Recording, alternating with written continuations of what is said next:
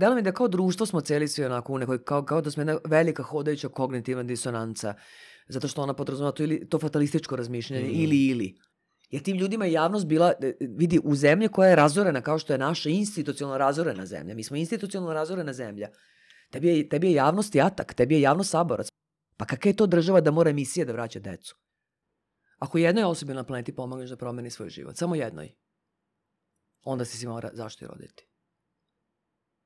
Ako možeš svojim činjenjem da učiniš da neko izađe iz svog začaranog kruga, iz svog zaglava, onda si se imao zašto je roditi. Dakle, izgubila sam, e, ugašana emisija, izgubila sam posao, napunila sam 50 godina, umro je Boris Trivan. Meni da nije NLP-a, Mm -hmm. Ja ne znam da bih napravila ovu, mislim, ne znam kako bih ja napravila ovu priču. Ja sam ovo radila po koracima NLP-a, prvo da, da ja izađem iz zaglava u kojoj sam upala u životu. Ja sam zaista, zaista shvatila da u životu ne postoji ništa fascinantnije, ništa od samog života da je život sam po sebi najfascinantnija stvar u životu. A, e, ja sam stavila mojoj sestri govorila, rekao, vidi jednu stvar da ti kažem, ovaj, deca obućara su uvijek bila bosati, ja smo deca psihologa. Mm -hmm. Znaš, tako da smo to, to imali. E, majka je magistar, e, magistar psihologija, ja sam rasla okružena psihološkom literaturom. znači ovako, kad smo bile male, to je Ja ne znam kako nas mama nije pobila, zaista ne znam kako nas nije pobila. Mi smo se toliko tu. Ne podnosim da idemo u kafanu sa ljudima koji kao došli smo da se ispričamo. Idite kući pa se ispričajte. Kako si ti otišla misli, priznaj? Stigli smo do ovde. Jao, majko rođene. Još podcast 1. Pozdrav svima, dobrodošli u Još podcast 1. Moje ime je Ivan Ćosić. Na početku želim da se zahvalim našim sponsorima, to su Beans Kafa, uz koju razgovaram sa svojim gostima. Ukoliko želite da imate espresso u svojoj kući ili kancelariji, linkovi do Binza su u opisu podcasta. Naš drugi sponsor je MVP Workshop. Oni kreiraju budućnost na blockchainu u Beogradu. Ukoliko ste zainteresovani za rad u toj industriji, kontaktirajte ih, možete praktično sedeti od svoje kuće raditi. Oni su remote first kompanija, kreirati budućnost u Beogradu danas. Moja današnja gošća je Tatjana Vojtehovski, novinarka, medijski radnik, PR profesionalac, NLP uh, trener, EFT trener i mnogo, mnogo toga. Za sebe kaže da bi mogla sama sebi da bude gost u emisiji. Ona je osoba koja je 30 godina na medijskoj sceni i danas jako, danas i već dugi niz godina pomaže ljudima da reše neke svoje probleme. Pričali smo o onome čime se trenutno bavi, o onome čime se bavila u životu i o mnogim, mnogim drugim stvarima. A, ovo je jedan od najdužih podcasta koji sam snimio, a verujte mi, znači svakog trenutka koji pogledate. Uživajte. Dobro mi je došlo. Bolje te našla. A, u pripremi sam pročitao fenomenalnu rečenicu, a to je da bi mogla da budeš sama sebi gost u emisiji, pa sam ja pomislio, rekao, bolje možda da odem tamo i da ti ja samo snimam, da lepo dođeš ovde, lepo postaviš pitanje samo sebi. pa dobro, mogu biti ti, ali čekaj, mogu biti ti sam sebi, šta? Da, da, do duše, ja sam to hteo za, za, hoću to da uradim. Za neku novu da godinu, kao da, neki specijal napravi. Ba, više on kao ponuda za sponzore, da ja sad pitam sam sebe, znaš, zašto, zašto bi trebalo da sponzorišu i tako, zašto sam napravio pa. i to sve. Tako da mi je taj deo super, hvala što si došla. Hvala tebi na pozivu. Uh, ovo smo uklopili pre tvoj odlazak na, na letovanje. Uh, video sam da obožavaš Adu Bojanu. Šta je za tebe Ada Bojana? Ono, uh, Pa ja, ne, ne znam, druga kuća mi je to, ili prva mm. kuća, ili druga kuća, ne znam, super mi je Ade Bojana nešto. Um, I godinama sam išla na Adu Bojanu. Im, ima tamo nečeg. Ljudi ili obožavaju Adu Aha. Bojanu, ili ono kao, joj, šta ste tamo našli, kao uh, duo vetar popodne stalno, možda navijaš sad po vetru, nešto. Ali ne, ne znam, meni je to nešto lepo. Ima jednu sujenicu malu tamo i onda um, sa te terase vidim kako Bojana ulazi u more. Aha. Uh, vidim to ušće i to, to se sad i menja, proširuje se ovako, ali nekako lepo je. Mislim, nije samo, na, najmanje lepo baš u sezoni, mhm. -huh. kada ovaj, što bi rekli crnogorci dole kada dođu Beograđani. Zato što, ne znam, ono, preglasna muzika nekad. Aha, bude. aha, aha. Ali, ali su se ti ovaj, vlasnici kućice dogovorili, pa je to kao proglašeno zonom tišine, pa sad nešto pokušavamo kao da nešto tamo to bude tišina. Ali, d- znaš šta mi je lepo? Išla sam godinama na Bojanu pre nego što sam, što sam uzela tu svjenicu. Mhm. I tamo sam već stekla neke prijatelje nešto i koji imaju neke male restorane ili neke ka- kafanice ili nešto. I onda mi, bilo mi je super zato što em, su oni, na primjer, 5-6 godina kasnije Uh, ja, na primjer, 5-6 godina dolazim stalno kod njih Mhm. i sedim tamo, jedem, pričam. I oni su 5-6 godina kasnije, ono, meni stavio do znanja da u stvari oni sve vreme od početka znaju kao ko sam ja, ali nijednog trenutka to nisu rekli. Mm, Nijednog dobro. trenutka, mi sad ne da se ja tu sad kao neka tu Madonna, ne- kao neka, ne, ne- neka super poznata, ali oni uopšte nisu, nije, Bilo im je drago što si ti, ali nisu sad nešto Ne. imali celebrity stav. ne, ne, ne, to i nisu mi stavili do znanja kao da, Aha, da, aha. Da, ja sam čak, ja sam čak živjela jedno vreme u, u ideji da oni nemaju pojma, ono, ničime se ja bavim ni ništa, međutim su rekli, "Jesi ti normalno, mi znamo od prvog dana, kao, Aha, aha. šta je s tobom? Ali, ali nisu, nisu to, znaš, nisu to nekako, nekako to rekli i meni je to bilo fenomenalno. Aha, aha. I onda mi je super bojena. E sad ja na bojena imam Super mi ovaj... je ono kad snimaš nekoga, ono, jedan da ti, e, Tanja! Aha, da. Za Instagram, ono, Ja na kao- onim brodićima. Ja kao sad nisam kao naš kao nešto divni kao na terasi, Da, ono da. kao sedim, kao ne znam, napravim neki story, neko prolazi, ej, život priča! I čamca neko. Ovaj, ali, ali na- imam taj kajak na, na Bojani i onda veslam oko ostrava, to je onako Aha. E, u krug. Za mnogi ljudi je ono kao Ada Bojana nudizam ovo, ono, znaš, to je prva asocijacija i onda mislim da to u principu odbija gomilu ljudi, ono. Ne, dobro, neka odbija samo. Što i nije tako loše. Samo neka, ne, nego nemojte dolaziti. Ovaj, Nije e, ružno, je nego ne, komarci. gro- ovaj, pa, znaš šta, e, tamo ne moraš biti nudista za Da. početak, a, a, a, a, ti domaći crnogorci koji, koji su nudisti, oni ove tamo na, na plaži za Bučani, oni to zovu tekstilna plaža. Aha, Znaš, aha, ovo je kao tekstilna plaža i ovo je kao ta aha. Ada Bojana. Da, da, da. Jer nekad je, nekad je celo ostrvo e, bilo, bilo ovaj, nudističko. Mhm. I to još od vremena lepote poroka. Da, da, da. Kad se snimala lepota poroka, koja je, kako ti kažem, to je ono, ne znam, malo je lektira, malo je reći, to je velika Da, da. umetnost, ono, taj film. I, ovaj, I dan danas tamo, tamo su, postoje neki ugostitelji, neki ljudi koji pamte Miru Furlan iz, iz tog vremena, iz tog doba. snimano, Da, kad je to snimano. aha. Do pre neku godinu je tamo bio čuvar plaže, koji je bio čuvar plaže u vreme kada je kada je Mira Furlan snimala lepotu poroka. Pa, Pa, fenomenalno, potpuno fenomenalno, da. Tako da ima tamo nečeg, da. Da, da, da. Lepo je. A, Za malo da te košta i hapšenja. Tvoje letovanje. Bože, to je tako ne... Mislim, bukvalno je nestvarno, zato što, na primjer, ja, na- ja kad sam na Bojani, um, jako redko idem na portale da nešto vidim. Aha. Pa to sad malo, to sad, čak da ti kažem i ovde na kopnu, baš nije ne idem na portale. na kopnu. Na kopnu. pa da. Neko, pa da, sve reći. Ovaj, i, I šta sam ja nešto ušla, ja sam, ja sam toga bila kao, molim, o meni se radi, kao da je raspisana potreba. Ja ništa to nisam znala, ništa, ni, znači ništa. Mi je logično, sa neke strane, znaš, kad neko malo bolje uđe u tvoj život i kada pogledaš šta radiš, znači imaš taj period od dva meseca kada isključiš sve Jest. i kada odeš Aha. tamo i sasvim je logično ako te neko traži u ta dva meseca će delo, delovati da se kriješ. Ba, a da, s tim što su oni mene kao tražili, tražili mnogo ranije od tog perioda i kao me nisu našli. Na što je meni bilo sumoto? Ja zovem mog advokata Vlada Todorića i kažem Todoriću, rekao Vlado, ovaj, raspisana je neka potreba, on kaže, oj bre. Ja kažem, nemam, on kaže, šta pri... Ja kažem, ne znam, idi tamo u sud i vidi. Pa on kaže, pa si dobila? Pa nisam čoče ništa dobila, ja sam na bojnje, ne šta dobila. I oni su da na sudu rekli da su oni meni slali pozive na televiziju prva, na koju ja uveliko ne radim. Mhm. Znači, ne, ja tamo, kako ti kažem, ne radim. Znači, ne, neko, ako je stigao poziv, neko njima mora da kaže ova žena tu ne radi više. Ali oni su i dalje slali na televiziju, na televiziju prvo. Malo to izgleda kao da, da je slato da sa namerom da te neko ne nađe.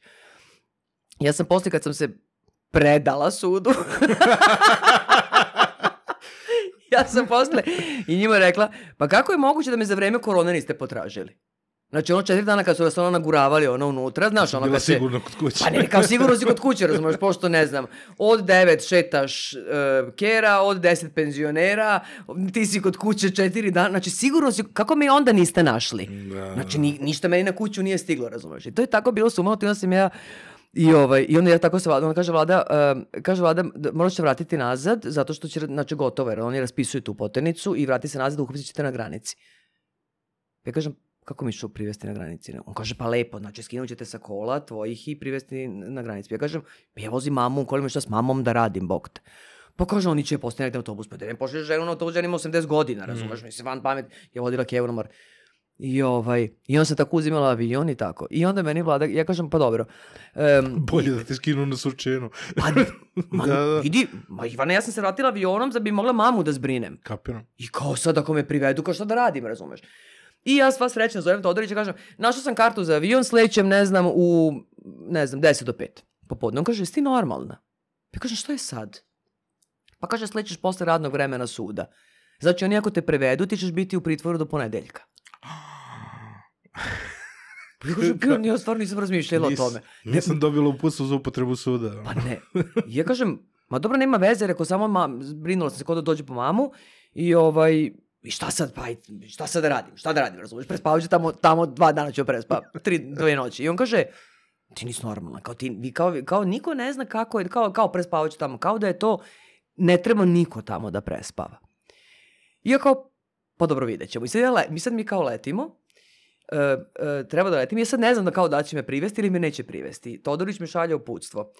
Kada budeš došla na pasošu kontrolu, pošalje mi poruku da si došla na pasošu kontrolu. Ja kažem, dobro bre, Vlado, stvarno. On kaže, ne, ima svoje zašto. Znači ja da proračunam koliko ti vremena treba od pasoške napolje, ako te privedu, Ulećem. ako te privedu, možda neće imati pravo na poziv, nešto, samo da znam gde si otišla. Mm. Jer ako te nema duže od 10 minuta, znači da su te odveli direktno u pritvorsku jedinicu. Mm.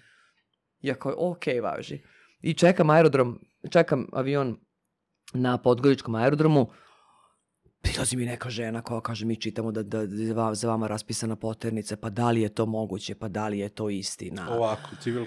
Civ, neka Aha. žena, ne, neka žena koja, koja kaže, pa ja sam to čitala, pa to je, pa zbog čega je to? Pa ja kažem, eto tako, ovaj, to ima veze sa, sa, sa tim serijalom što sam radila, kako se otimaju deca majkama za račun bogatih i moćnih muževa i ona kao mi to znamo ovako, onako, ništa. Se, I dalje sedim na aerodromu, prilazi druga žena i kaže, molim vas, da li možete se javiti jednom čoveku, isti advokat e, im je ovaj, otima dete e, njegovoj kćeri, njegovu unuk otima isti advokat, upravo ovo zbog čega sad vas hoće da vas hapse, da vas privode kao. Znači, znači bukvalno neverovatno, ono, ti, ti imaš taj čin koji je bizaran, znaš, kao poternica za mnom, to je bizarno, razumeš, bez veze, to je, mislim, jedno drndanje, tako da se izrazim.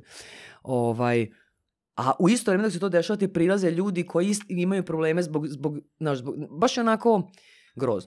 I sad ja kao, i sad mi kao sleđemo, a e, mama moja, ja hoćete pre... Ja kažem, ne znam, mama, ok, tebi sam bude, obezbedila, bude. ma tebi sam obezbedila prevoz, ti ideš kući, a ja vidjet ćemo i tako.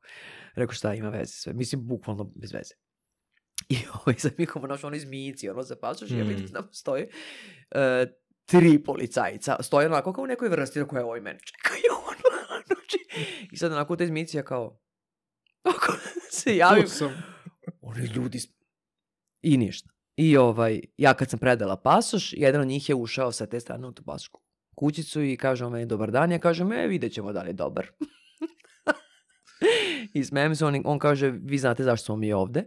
Ja kažem, pretpostavljam zbog mene čim ste mi se ovaj obratili i on kaže ovaj um, da, evo vam papir da potpišete da ćete se javiti u sud u ponedeljak kao nećemo vas prevoditi i sve to ja kažem ok, ja možete mi objasniti samo čemu ovaj cirkus Znači, bukvalno cirkus, on da raspisuje se poternica, kao od hapšen granica, ne, nešto. Dobro, bar su našli lep način. Znaš, i oni, i on, ka, i on kaže, ovaj, to zaista nije naše. I znam da je carinik onda kad sam, oni su završili tu proceduru, ja sam potpisala šta sam potpisala. Mm. E, e, carinik mi vraća pasoš i, car, i carinik mi je rekao, gospode Bože, ono stvarno... O, o, A ne kao- oduzimaju ti pasoš? Nema smisla, ne, nisam ja A. odredi pas, ja sam potpisala da ću da se vratim, Aha, aha. da ću da se javim u sudu i onda sam se ovaj, Javila sam se to. Mislim, bu, bukvalno van pameti bez veze prekinu, prekinula godišnji odmor, ono, bez veze. I Naročito ostala mi kola dole, razumeš, onda sam se naročito vraćala. sad u doba mobilnih telefona. Mislim, znaš, prvo tvoj telefon garantujem glavom da pola, ono, pola trenutne Apsolutno. političke vrhuške ima. Apsolutno, Znači, pa naravno. Tanja, raspisana poternica za tobom dođe u Beograd. Da, ne, ne, ne, na pritom je vlada... Raspisat ćemo. Tako je, ne, pritom je Todorić išao kon, i Todorić kaže, ta žena se vraća, na primer, aj se, de, ne znam, 10. septembra, a to je, na primer, govori o 6. septembru, na primer da je bilo tako. I kao, nemojte raspisivati poternicu van pameti. Ne. I on kao, pa nemojte praviti cirkus, žena se vraća nazad, mislim, pritom ona je mene zvala, evo ja došao. Ne. I to ti je, znaš, i ja onda odem u sud i sve bude, od- i ceo, ceo optužni predmet bude odbačen, Niti sam dobila pozive na kuću. Znači, ja nijedan poziv na kuću nisam dobila. Pa kao, ajde, ajde da se nisam odazvala, pa šta da radiš? Mm. Ja nisam dobila. I oni su rekli, pa mi, nismo, mi smo slavili na televiziju prvo. Pa tamo nisam. Kako ste mogli šaljati? Znači, vi znate da ja tamo nisam. Ja tamo ne radim. Već i to, haha, ja tamo ne radim već. I kako ste? Ma, mislim, to je jedno, a ne znam. Malo, malo ti pokvarila odmor. Pa, mislim, ono, onda sam išla pole, posle kao idem, išla sam dole po kole i sve to. Ne, ne, u neku ruku... U neku ruku mi je, u neku ruku mi je to bilo Znaš, u neku ruku sam tu videla šansu da se ponovo razgovara o tim ženama i o tom, o tom Mm. lancu. E, zato što je to, znaš, sa dosta, dosta sa ti, tih žena sam radila sa tom ist, s istom ekipom kojom je uzimao tu decu, ono, to je e, to je jezivo što to traje godinama, znaš, deca se odrode od tih majki i to se sve promeni. Ti, ti životi odu dođevola. Ono skroz. I deči i od tih žena i, i, i, i sve ode dođevola. Mm. Ovaj, um, I onda mi nekako bilo ono, ok, ajde, makar da se vrati to nekako u žižu, da, da, da neko još, znaš, da neko govori o tome, da neko da šansu tim ženama da nešto kažu, da se ponovo nešto o tome piše, zato što je to, um, ne znam, meni je to mnogo teško, onako, baš mi je to, znaš, i zašto znam te žene koje, posle, ne znam, po 3-4 godine se one bore za tu decu, viđaju ih u, u centru za socijalni rad, u prisustvu, ce- u prisustvu radnika centra za socijalni rad samo sat vremena, znaš, tako, tako, tako viđaju roditelji koji su se vratili sa dugogodišnje robije ili roditelji koji, e, koji imaju, ne znam, ozbiljne psihičke poremeće pa su na lečenju, ili roditelji koji imaju Mm. velike probleme sa narkoticima pa su na lečenju, pa viđaju samo jednom nedeljno, samo sat vremena, samo u centru, samo uz nadzor. E, tako je majka isto je, ta Nataša Nalatina viđala tako decu. Znaš, to je strašno, to je onda, i onda je to, to pošto, pošto naravno sudstvo je otišlo dođe, voli, to traje godinama, godinama, godinama, onda Mm. ona konačno dobije decu na vikend i onda ona kaže, ja, ja nisam znala da, ću, da, sam, da ću umeti da bude majka. Ja, znaš, to je toliko strašno. Ako ja nisam znala da ću umeti Ona kaže, oni su meni, meni ova država majčinstva ubila. Ja nisam znala da ću ja to umeti. Ja sam, Mm. kad sam konačno dobila decu na vikend, ja sam se pitala šta da ispremim za večeru, ko zna šta sad vole da jedu. Sam misli ti tomati, ono. Znaš, to su, To. znaš, baš je onako. Mm. I eto, od svega toga je bio taj cirkus sa tom, sa tom poturnicom. Međutim, ti ljudi, Pritom je Oni- meni čudno uvijek bilo u toj temi uh, to što deluje da su ti kao moćni očevi bi trebalo budu zauzeti, ako su već moćni. pa jesu, Nekom, ono, pa jesu. što znači da ih odgaja tek neka treća osoba. Pa da, U većini slučajeva. pa da, pa da. Prosto mi je čudno da ti moćni očevi žele da budu deca kod njih, a na kraju nisu kod njih. Ali ne žele oni da budu deca kod njih, oni žele da deca ne budu kod majke. Oni ne žele da budu deca kod njih, oni žele da oduzmu decu majkama, to je ta osveta prema bivšem partneru. To, to, to taj Ima, je ima, ja sam, ja sam tu Meni bi emisiju... bilo logično da je on u fazonu kao ima puno posla, deca su kod majke. Majka se super brine o deci, ja ću da viđam. vikendom Tako je, dođe, overkompenzuje malo. tako je, tako je. Znaš, Tako je. kao što je neko tipično, ono... Jeste, ali znaš kako, ja sam čo, to čak u nekim emisijama i pokušala da, da izložim javnosti da postoji možda nešto što bi mogli mi da uvedemo u našu zemlju ako bi se menjali neki zakon, neke procedure. U, ja mislim da je to u anglosaksonskom pravu, nisam sigurna, to nije moja struka, jer sam, sad sam zaboravila tu informaciju, ali sigurno postoji u skandinavskim na primjer postoji u porodičnim zakoniku postoji ta klauzula koja se zove zlonameran roditelj. Znači, u, u samom zakoniku postoji, postoji definicija e, dela zlonameran roditelj gde se utvrđuje veštačenjem, e, centri socijalni rad, stručnim službama, e, sudom se utvrđuje kako roditelj postupa prema deci Mhm. e, u odnosu na bivšeg partnera i da li decu koristi kao kusur, odnosno za podkusurivanje, što je vrlo često. Da kad se, kad se parovi rasturaju, da se deca koriste kao moneta za ucenu. E, to rade i majke. E, to mogu da rade i očevi kad, kad otimaju ili majke kada ne daju decu. Očevima da ih emocionalno ucenjuju time ili, ili kad jedan od partnera nađe novog partnera pa ovaj ne može to da podnese pa se onda deca ponovo koriste Da, da, nije se ne direktno daju. svojstveno ni jednom polu. Tako je, Mhm. ta, nije, nije, nije, Mhm. nije. Um, tako da to postoji to je onako jedan, po meni, jedan, jedan, jedan koristan uh, um, način promatranja, odnosno regulisanja tih odnosa, jer, jer vrlo, vrlo, vrlo često sklizne u to da deca se koriste uh, za za ne znam, da li za, za, za vidanje sobstvenih rana ja, Da, ali posle rastanaka ili problem- tako nešto. Dolazimo u problem sa našim pravosuđem i našom korupcijom, jer bilo što što ima veze sa veštačenjem, ukoliko je moć komponenta cele priče, Slažem se. veštačenje pada u vodu. Mislim. Pa slažem se, znaš, tu je, um, um, da, s tim što nekako, uvek računaš da postoji neki pojedinac koji nešto, znaš, Pa kao, mo- na- mo- na- možeš se nadaš. da, da, nadaš se kao da postoji neki, jer jeste, uvek kada postoji lova, postoji moć, postoji moć korupcije, mi jesmo ono, mi, mi smo udavljeni u korupciji, ova zemlja je zaista udavljena u korupciji. I, znaš što je tu zanimljivo jako? Meni je to bilo zanimljivo, to sam se takođe pokušala zalagati u emisijama, bilo, meni je bilo zanimljivo da kada se, kada se to radi, ti, ti slučajevi sa decom, Mhm. znači kada se razvode parovi sve to, kod nas u Srbiji na ne postoji nešto što se zove ujednačena sudska praksa. Na primjer, ako se žena tuži sa svojim bivšim partnerom zbog nasilja, i on je bio ozbiljan nasilnik i, Mhm. i, i e, vršio nasilje nad, nad njom i nad decom ili u prisustvu dece, što je takođe nasilje nad decom. To je onda jedan spor. Drugi spor je regulisanje roditeljskog e, e, prava u okviru starateljstva. I ta dva spora su odvojena. Znači to što je, na primjer, taj roditelj nasilnik se uopšte ne uzima u obzir kada se e, vodi spor za dodivanje starateljstva. To je potpuno razdvojeno. Isto to- to znam. Da, to je razdvojeno i to je to je to zove neujednačena sudska praksa. I njegove roditeljske kompetencije se razmatraju van postojećeg spora da je on nasilnik. Znaš, to je potpuno, znaš, po- potpuno, potpuno neverovatno. Ali zaista potpuno neverovatno. A nevjerojatno povezano. Pa kako nije povezano, znaš, i onda, i onda kao ide na dokazivanje, ali on je, on je, pa je ono, samo tu kao majko njeni decu, ako, samo, ako je majko, onda, u re- onda verovatno i u redu, ali, na primjer, to radi pred decom, deca su Mm. takođe, takođe, da, to je potpuno razdvojeno, ovo je jedan spor, ovo je drugi spor. I onda ovi kao rade ovo, ovi kao uređuju kako će otac da viđa decu, a ovde što, što za nasilje to je nešto potpuno odvojeno. Sumanuto. Da, tek posle ono, još dalja, dalja varijacija na temu verbalno i psihičko nasilje, Ma da. tek to kako to veštačiti i ostalo. Ma da, da, da, da, da, da, da. Ali smo onako, znaš, ne znam, ogrezi smo u tome. Uvek se setim, uh, uh, uh, uvek setim slučaj Slavice Burmazović, ne znam, sećaš tog slučaja Slavica koja, što je onim... Čekaj, njoj je vraćena deca. Vraćena, vraćena je deca, da, da, da, da. da.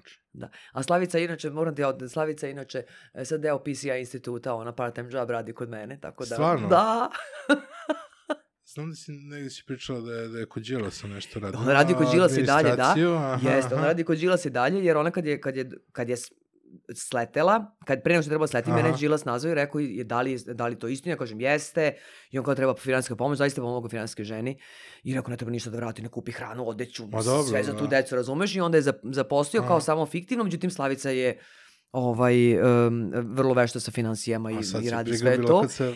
I, I sad je part-time job ovaj, uh, super. e, kod mene. E, to sad, ko- hoću ti kažem, taj odnos prema ženama, na primjer, čak i u okviru pravosuđa. Sećam se kada je, e, kada smo pokušavali da izvršimo medijske pritiske da se raspiše poternica Mhm.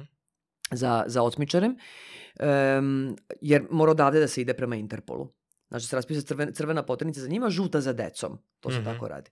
I to je radio, ne znam koji sud, onaj Novom Beogradu je to radio, i onda mora naš, naša sudija da to, da to da nalog na osnovu predmeta.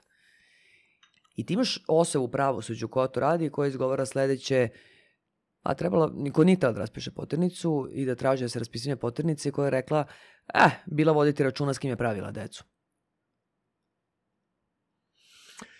I ti komentari me ubijaju, znači ja sve Aha. jako mnogo pratim i na Twitteru i na, na drugim društvenim E. mrežama i ovo E. sve nisam prijavila i ostalo. Reakcije Mhm. ljudi na, na druge ljude me ubijaju, znači Mhm. toliko šta žele, da li žele da pokažu ono svoju neku objektivnost ili šta, kako mogu da, da budu toliko zli i negativni, taj da mi je potpuno nejasan.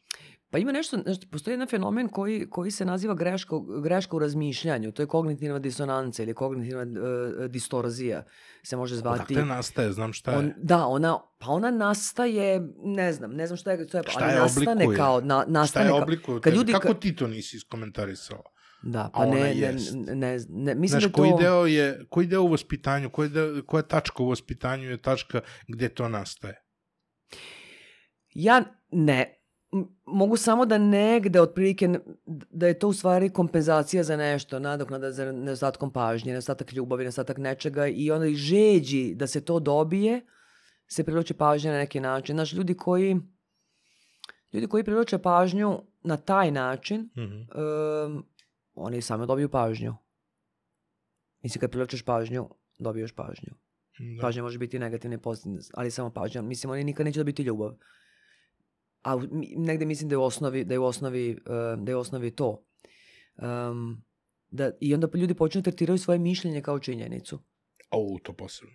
Znaš, kao to što ja mislim kao to je činjenica i to se plasira kao istina i može da bude pod velom dobre namere, odnosno pod velom iskrenosti, kao ja ću ti iskreno reći kao to ti je tako, u stvari ti kažem što ja mislim. I mišljenje se tretira kao činjenica. To je, to je maksimalno na Twitteru sad negde imam utisak da se pojačalo.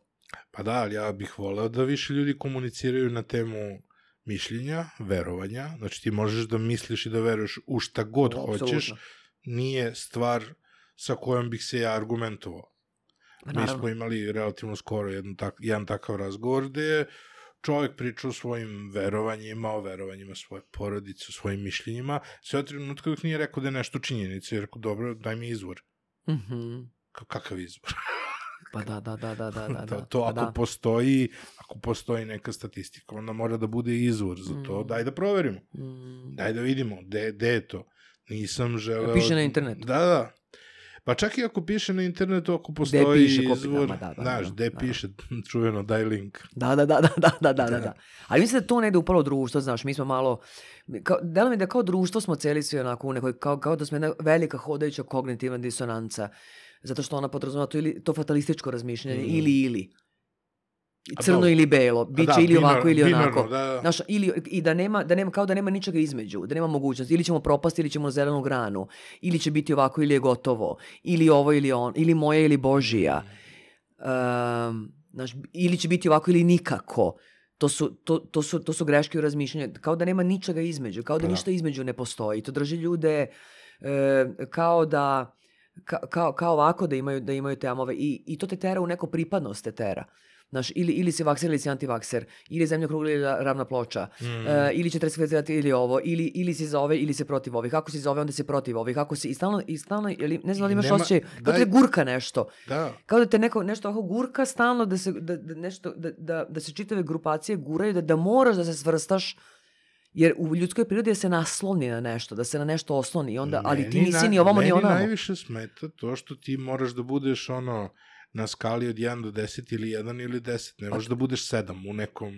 To je kognitivna disonanca, doslovno. To, to, to. to je to. Ili si ovo ili ovo. Ne možeš da budeš kao, pa ne čekaj. okej, Mora bude kao- binar. Da, da, mora da bude to. I to je užasno naporno.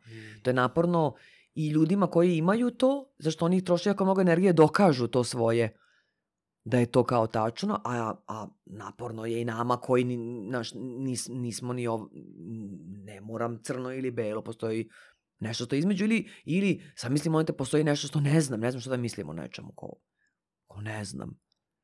Znaš, nemam stav o tome. Ne, ne, moraš, moraš, moraš, moraš da imaš na nečemu, moraš se odrediš, moraš se odrediti. Ili Ili- ako se ne odrediš, to isto stav, onda si, onda si sigurno, znaš, mnogo je naporno postalo. Ili uh, treba da daš mišljenje, a onda treba da braniš mišljenje, jer će neko da se argumentuje sa tvojim mišljenjem. Aha, sa svojim, sa svojim mišljenjem. Znaš, kao, ne želim da se, želim da ti kažem šta ja mislim na tu temu i ne želim da branim ono što mislim. Da, da, da, Znaš, da, ono, da, da, hoću da, samo da, da, da. ti Da, kažem. Da, Da, da, da. Ali, ali, ne, mo- ne, ne, ali to nisi ti u pravu, moram da braniš. Ne, ne, i ta, i ta večeta igra ko je u pravu. To je, to je jedna od naj, naj, ono, većih disciplina ko je u pravu. Kao da je Mhm. to, kao da, ja ne znam, kao da, da se nešto desi, da će se do, otvoriti novi sunčevi put za to ko je u pravu. Kao, Da. znaš, kao ko je, i, onda, I onda je to, ko je, zato, zato sam sve manje na Twitteru, ono, ne, mo, ne mogu nešto. alfa. Aha. Da, da. e, da, da, da, to da, je da. taj ono. Kao, kao taj će To je nešto. taj da- predvodnik, znaš, sad je Jeste. kognitivni predvodnik umjesto onog fizičkog koji je bio ono, Jeste, jeste, jeste, jeste, u, jeste. u plemenskom dobu. Meni su društvene mreže praktično, a to znam da ti, ovaj, da ti govoriš da su kafane preteče interneta, ovaj, i onda ja, naročito ove sad Twitter space-ove, ja to zovem digitalna kafana. Se, ja, znaš, ja nikad nisam bila na Twitter space-u. Da li hoćeš? Nikad. Ja, znači, ne znam, nemoj da me da se otpitaš. Ovaj, ne znam, znači, ja sam jedno... Ja ponekad organizujem, e, nije pravilo i nije obaveza, ali ako želiš ove, posle emisije, možemo da napravimo Twitter space. Znači, nikad nisam bila tamo i onda, dok sam bila aktivnija, sad zaista nisam aktivna na Twitteru, malo vojerišem onako, ali zaista sve manje Mhm. nekako. U stvari uđem i onda fejvujem neke stvari e, samo da mi, da mi se algoritam pomeri. Mm -hmm, Da mi izađu neke lepe stvari, zašto ne mogu ono kad se uđe, pogotovo oko izbora za vreme, znači kao, Da. kao da uđeš kao da ovako malo otrova ovako, popiješ i ona kao super mi je. Ovaj, ali nikad nisam bila na onda me hvatala panika, znaš, ono kao neki strahovi da dok, ću, dok rovim palcem ovako, znaš, Mhm. dok ovako radim, da ću slučajno stisnuti neki space i upasti unutra i sad ću da radim onda. Nije, nije, nije to baš na jedan klik, imaš dva, tri klika posle. Joj, dobro je, sad si me spas. Ja sam mislila da kao slučajno, kao, i svi će vidjeti da sam unutra i što da radim ja onda. I neće vidjeti svi da si unutra, nego će vidjeti tek kad postaneš govornik u space-u. E, to je A inače mogu da čučem, u- znači mogu da čučem unutra i da niko ne zna da sam ja unutra. Ne, ne, ne, ne. Znaju oni koji su trenutno u space-u. Aha, dobro, dobro. Ali šta je smor? Smor je kad postaneš govornik u space-u. Dobro. Uh, ako, e sad, to je ono što ti ne možeš da isključiš sa svoje strane, nego svaki korisnik treba da isključi sa svoje. Da? Znači, u tom trenutku poruka da je neko od tvojih koje ti pratiš, uh, biva broadcastovana, a odnosno biva emitovana Mhm. svim tvojim pratiocima. Sad, Aha. Ćosa je ušao u space i govori u tom space-u je govornik. To valjda podrazumeva, je sad, ljudi koji, koji imaju puno ljudi koji ulaze u space, tu notifikaciju isključe, ali isključi sa svoje strane da tebe obaveštava da su tvoji, Da su, ljudi moji, koji ti aha, da, pratiš da, da, da, ulazili da, da, da, u da. space ali ti ne možeš da budeš u tom domenu anoniman.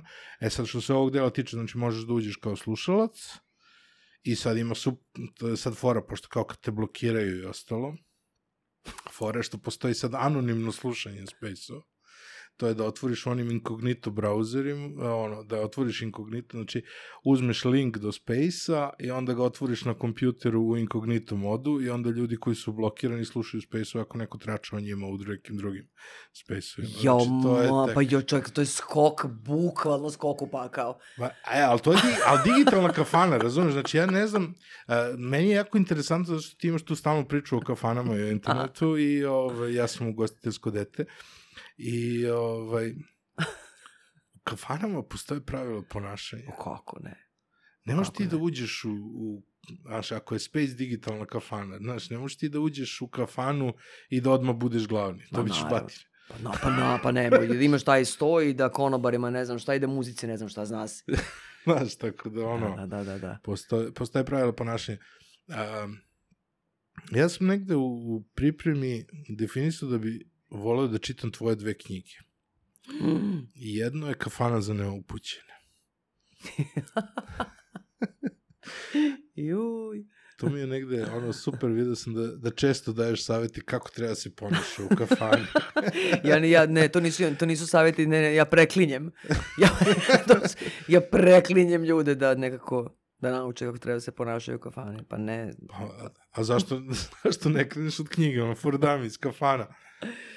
Pa dobro, nije ti Šta to... bi bilo u toj knjizi? Šta? Top 5 stvari, ono. E, šta je bilo u toj knjizi? Pa bilo bi u toj knjizi na primjer, scena ovaj, kako izlazim iz kafane u... O Bože, dragi.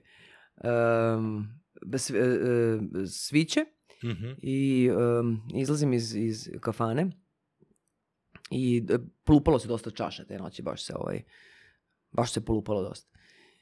I e, tu su nam svirali ovaj, muzičari i svirao je i ovaj, violinista je bio muž od Vide Pavlovića, ono svira. I sad sviće i izlazimo, izlazimo napolje. I ovako se, onako, sad je već je sunce. Ajde kao dve, tri pesme kao napolju. Ajde. I sad već se sunce onako promalja kroz Mhm. košnje, potpuno, to je kao filmski kader. Znaš, to je kad, kad pričaš, deluje kič, ali kao, znaš, tako je bilo. I sad promale se onako sunce, Mhm. sunce kroz, ovaj, kroz krošnje i onako iza tih, iza tih krošnji e, e, konjovođa izveo konje da ih, da ih šeta. ovaj, na Salašu 137. I ovaj, i mi više ne znamo ništa da naručujemo. Sve smo iznaručivali, znači kao ne, nema više i muzičari kažu, a još jednu evo za kraj da vas ispratimo do kola i počnu da sviraju o mladosti Aha. Od Arsena Dedića. I sad sviraju to, sunce se poma, sunce kroz ide kroz krošnje, oni vode neke konje, konji su beli, sve, sve potpuno, ono, potpuno ludo. Oni sviraju o mladosti i violinista počne tako da plače. Znači, mi, mi ne mi, no, znači, on, ne, on počne toliko da plače. Nešto se, ne, nešto, znaš, ono, tom, nešto je puklo u tom čovjeku. I sad Mhm. onako, znaš, onako svira i kad svira, ovako belom košnjom, ovako, ovako briše, ovako, Aha. suze ovako upija se jagodice, nastavlja da svira o mladosti, a, a njegove kolege muzičari se ovako gurkaju kao, Koji mu je? kako, kako se raspao. Nešto to, eto, na to je, to je bilo jedna scena u kafani, bila bi neka druga isto je svanula, ja majko. Isto je svanulo, pa smo, pa smo onda iz- izlazili kroz, sedeli smo na, na krovu, na krovu jedne kuće, ako smo sedeli skroz gore na krovu Mhm. ovaj, m, on je glumac, ali sad neću, ne znam da li smijem da kažem, pa neću da kažem ime. I moja malenko smo sedeli na tom, na tom krovu, sve je već svanulo i onda su i muzičari došli za nama i sedeli su na taj krov, i, a pritom je to u gradu, u urbanoj zoni. I onda su, su ovaj, svirali, šta smo mi onako tiho svirali, pošto je nedelja u sedam ujutru. Jel? I, I onda smo mi shvatili, tek kad je, kad je pukao aplauz sa okolnih terasa, pošto su ljudi izašli ovako napolje, skuvali kafu i kao, to je to. tako da bi razne tako bile scene, da, da, da. Volim kafanu, ima nešto tamo. Koja je prva pesma? Koja je prva pesma? Menjaju mi se pesme nekako, um, ka, nekako se menjaju kako, kako se menja, ali, ali jedna od pesama koju ja uvek naručujem, na primjer, jeste tamo daleko. Mhm. Znaš, uvek, uvek naručujem e, tu pesmu i to je onako negde, ali, ali kako noć odmiče, ono, to ima pravilo satnice, to mora jako, da, da to mora, pravilo satnice mora da se, da se poštuje. E, dok sam žila u Novom Sadu, muzičari koji su mi svirali su znali pravilo satnice, naravno, i nisu to. Sad ponekad kad uđem u neku kafanu koju gde je onako kad je baš komercijalno, pa Mhm. ili to za vreme korone, znaš, pa kao kad je kao radi se do 11 ili do ponoći, onda moramo da ispucamo sve. Nemoj, brate, ništa. Ne mora, kao, ne možemo, kao u 9 i 10. To, kao na sil, ne, Da, znaš, da, ne možemo, znaš, i onda kad im kao počnu sviraju kao 20, kao, po, ko ćemo prva pesma Jay, nećemo, druže, nikako. Ne može Jay prva pesma da bude. Jay se svira oko dvojke, trojke, ako stignemo do toga, ako ne stignemo nikom ništa, razumeš, ali ne može na, na silu. Znaš, tako da pravilo satnica je jako, jako važno i ne mogu da imam u kafanu sa ljudima koji koji ne, osjeć, koji ne poštuju muz, muzičare, to ne, ne mogu, ne mogu. Ne, ne, To si pričao kod Ivanovića, ne, Da. ide, ne ide muzika dok se jede. Pa ne može, to je, to je, to je, mislim da je to Salvador Dali, moj omiljeni lik, rekao da je večera uz uh, violinistu nepoštovanje muzičara i kuvara. Mnogo je lepo to rečeno. Pr- Baš je dobro. Baš je, baš je, onako, mislim, pošteno je to rečeno i tačno je. Tako da to ne može, tako da ne, ne podnosim da idemo u kafanu sa ljudima koji kao došli smo da se ispričamo. Idite kući pa se ispričajte. Znači nismo došli da se ispričamo, da ćemo slušamo ove fine ljude što imamo da nam sviraju. A ne da se tu nešto kao pričamo, kao da se ispričamo. Nećemo, ne pričamo ništa. Idemo na kafu pa pričamo. Pa ide kapa priča. Ovaj, e, to, tako da, da, samo da ne bude ništa na silu. Mm. Znaš, nego. I bila je jedna, jedna noć je bila, u, jao bože, dragi, em, dok je Rale držao kazu u Mekenzijevoj, to je bila kafana koja je imala muziku od ponedjeljka do, do, do nedelje. Svako večer. I to je meni savršeno odgovaralo, pošto sam ja jedno vreme tako ono gde me noć ponese. Ja odem, sreda je, oko šest popodne se nađem sa nekim na kafu, četvrtak sedam ujutru. Izlazimo iz kafane. I onda je kaza bila super, zato što tamo je uvek bila muzika. Mm. I bile smo moja prijateljica ja, e, Ceca, Ceca mi dan danas govori, kaže, ceo život sam išla po kafanama, evo zbog ove noći. Evo, zbog te noći sam išla po kafanama, zato kao to je, kao ta noć se čeka. Mi smo sišli do, to je bilo, ne, tako neki utorak, sreda, neki bez veze dan. Aj kao nešto malo popijemo neko piće, nešto dobro. I ovaj, i e, s, e, Nikola Rokvić, Bojana, Ceca i ja. I tu su bili neki, neki, neki momci nešto u ćošku, pa se malo tu otimali svi oko muzike, ovako, onako. I kad su svi već ono otišli, onda je Nikola počeo da peva. Mislim, on je toliko daroviti, toliko Umrem li biće to? talentovan i ta pesma je jedna od mojih pesama, razumeš i stvarno. Meni one- sve više što sam stari. Znaš, kao to je to, kao. Znaš, pa da kad se pojavilo to Medi slatko grožđe, to se posle deset godina pojavila kafanska pesma, ono, zaista se Da. pojavi kafanska pesma. I onda je Nikola, ovaj, Nikola pevao, znači, tu mi smo isto ostali nešto do sedam ujutru, to je potpuno, potpuno čarobna, čarobna noć bila. Isto u Kazi je bilo jedna, jedna noć, bili smo Dača i Kodinović, ja ne znam ko je još, ne mogu setim još ko je bio, i sam u ćošku sedi Tozovac, za drugim stolom, Kaza je mala kafana, za drugim stolom um, e, sedi Knez i oko pola tri, pola četiri ujutru silazi Saša Matić. Znači, vidi, to je... Viš, kao to je to.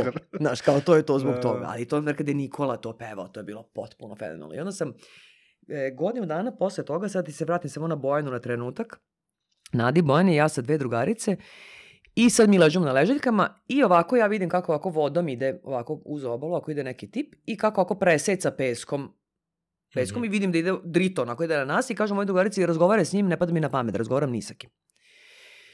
To je neki italijan koji kao pita koliko je sati, neka nešto bez, bez veze, razumeš. Uh, I ja kao, ne, neću, ne pada mi na pamet da se on Mhm. troši vreme. Dva sata kasnije mi sa, njih, sa italijanima na ručku, neki advokati koji su došli ovdje, mislim, prezabavni ljudi, ono sve, sve, sve, ni, ništa napad, ni ništa, sve, sve, sve super. I pošto su oni nas vodili na ručak, ja kao i da im se odužim da, da ih e, vodimo na večeru, da ih Mhm. odvedemo na večeru, jedno malo mesto koje je skrovito, koji ne znaju baš turisti. To moraš znati da Mhm. odeš na to mesto, na, na, na Bojanicu kod, e, kod Peđe. Pritom je to bilo zaključano i to se, to se ide ovako jednim uskim, uskim, uskim putićem, gde nema, pa se malo svetljava telefonima, ovi italijani malo su šu, učutali onako, malo... Gde nas vode ovdje? Aha, nisu oni baš sad već ni ono kao, znaš kad zamre razgovor, onako, otprilike, "Č- šta je bre, deo, ko su ove ove žene? Stigli zaključana vrata, ja vičam, ono kao, Pelja, vičam i oni kao otvaraju, mi ulazimo i sad to je ta terasa, oni spremili super klopu i sve to. Odlično, i moje drugarice kaže italijanima ako sam ja kao poznata ličnost. I oni kao, oj, kao oduševe se, to je njima nešto kao big deal, kao Mhm. bog zna kako i sve to. I dolazi Boja i kaže mi Boja, kaže, znaš ko će, aj pogađa ko će sad doći. Ja kažem, aj sad, kako da pogodim u dva ujutru ko će doći. Pritom mi smo od tri stola mi smo jedan sto. Kako da pogodim, dolaze Nikola i Bojana, Nikola Rokić i Bojana. Aha. Godišnjica im je bila. Posle, rekao su večer, rekao, dođite za naš sto. I sad, moja drugarica kaže italijanima, on je jako poznat pevač u Srbiji, pa italijani, ok, kao, znaš, ovo je poznat, ovo je poznat, ovo je poznata manekenka, znaš, Da, kako da, da. italijani kao. I pita italijan, kao da li popilo se tu već, sad je već nešto dva, tri jutru, svi spavaju, Bojana spava, ce, ono, reka Mm. spava sve. I pita taj italijan kao, kao da li mnogo tražimo ako, ako m, da vas zamolimo za, da eto, otpevate dva, tri stiha neke pesme da čujemo, pošto eto, čuli smo ste jako poznat, poznat pevač. I, znači, Nikola nije, kakav je naš, on, on nije ono kao, pa ne znam, pa koju, pa šta ćemo. Znači, ali iste, iste sekunde počne da peva Caruso. Mhm. I to pusti, ne voglio bene sai. I to se pukne onaj zvuk po Bojani. Se raspe, znači meni pune oči suze. Ovi, ovi momci, ovi italijani, pazi, ovako počne da plaču. I on otpeva ceo Caruso i čuješ, to je bilo tri ujutru, i čuješ aplauz sa kuća preko. Da, ljudi su se probudili od, od, od toga. Eto, veri, to su neke čarobne noći koje se tako desi u nekim kafanama, znaš, koje možda čekaš ceo život.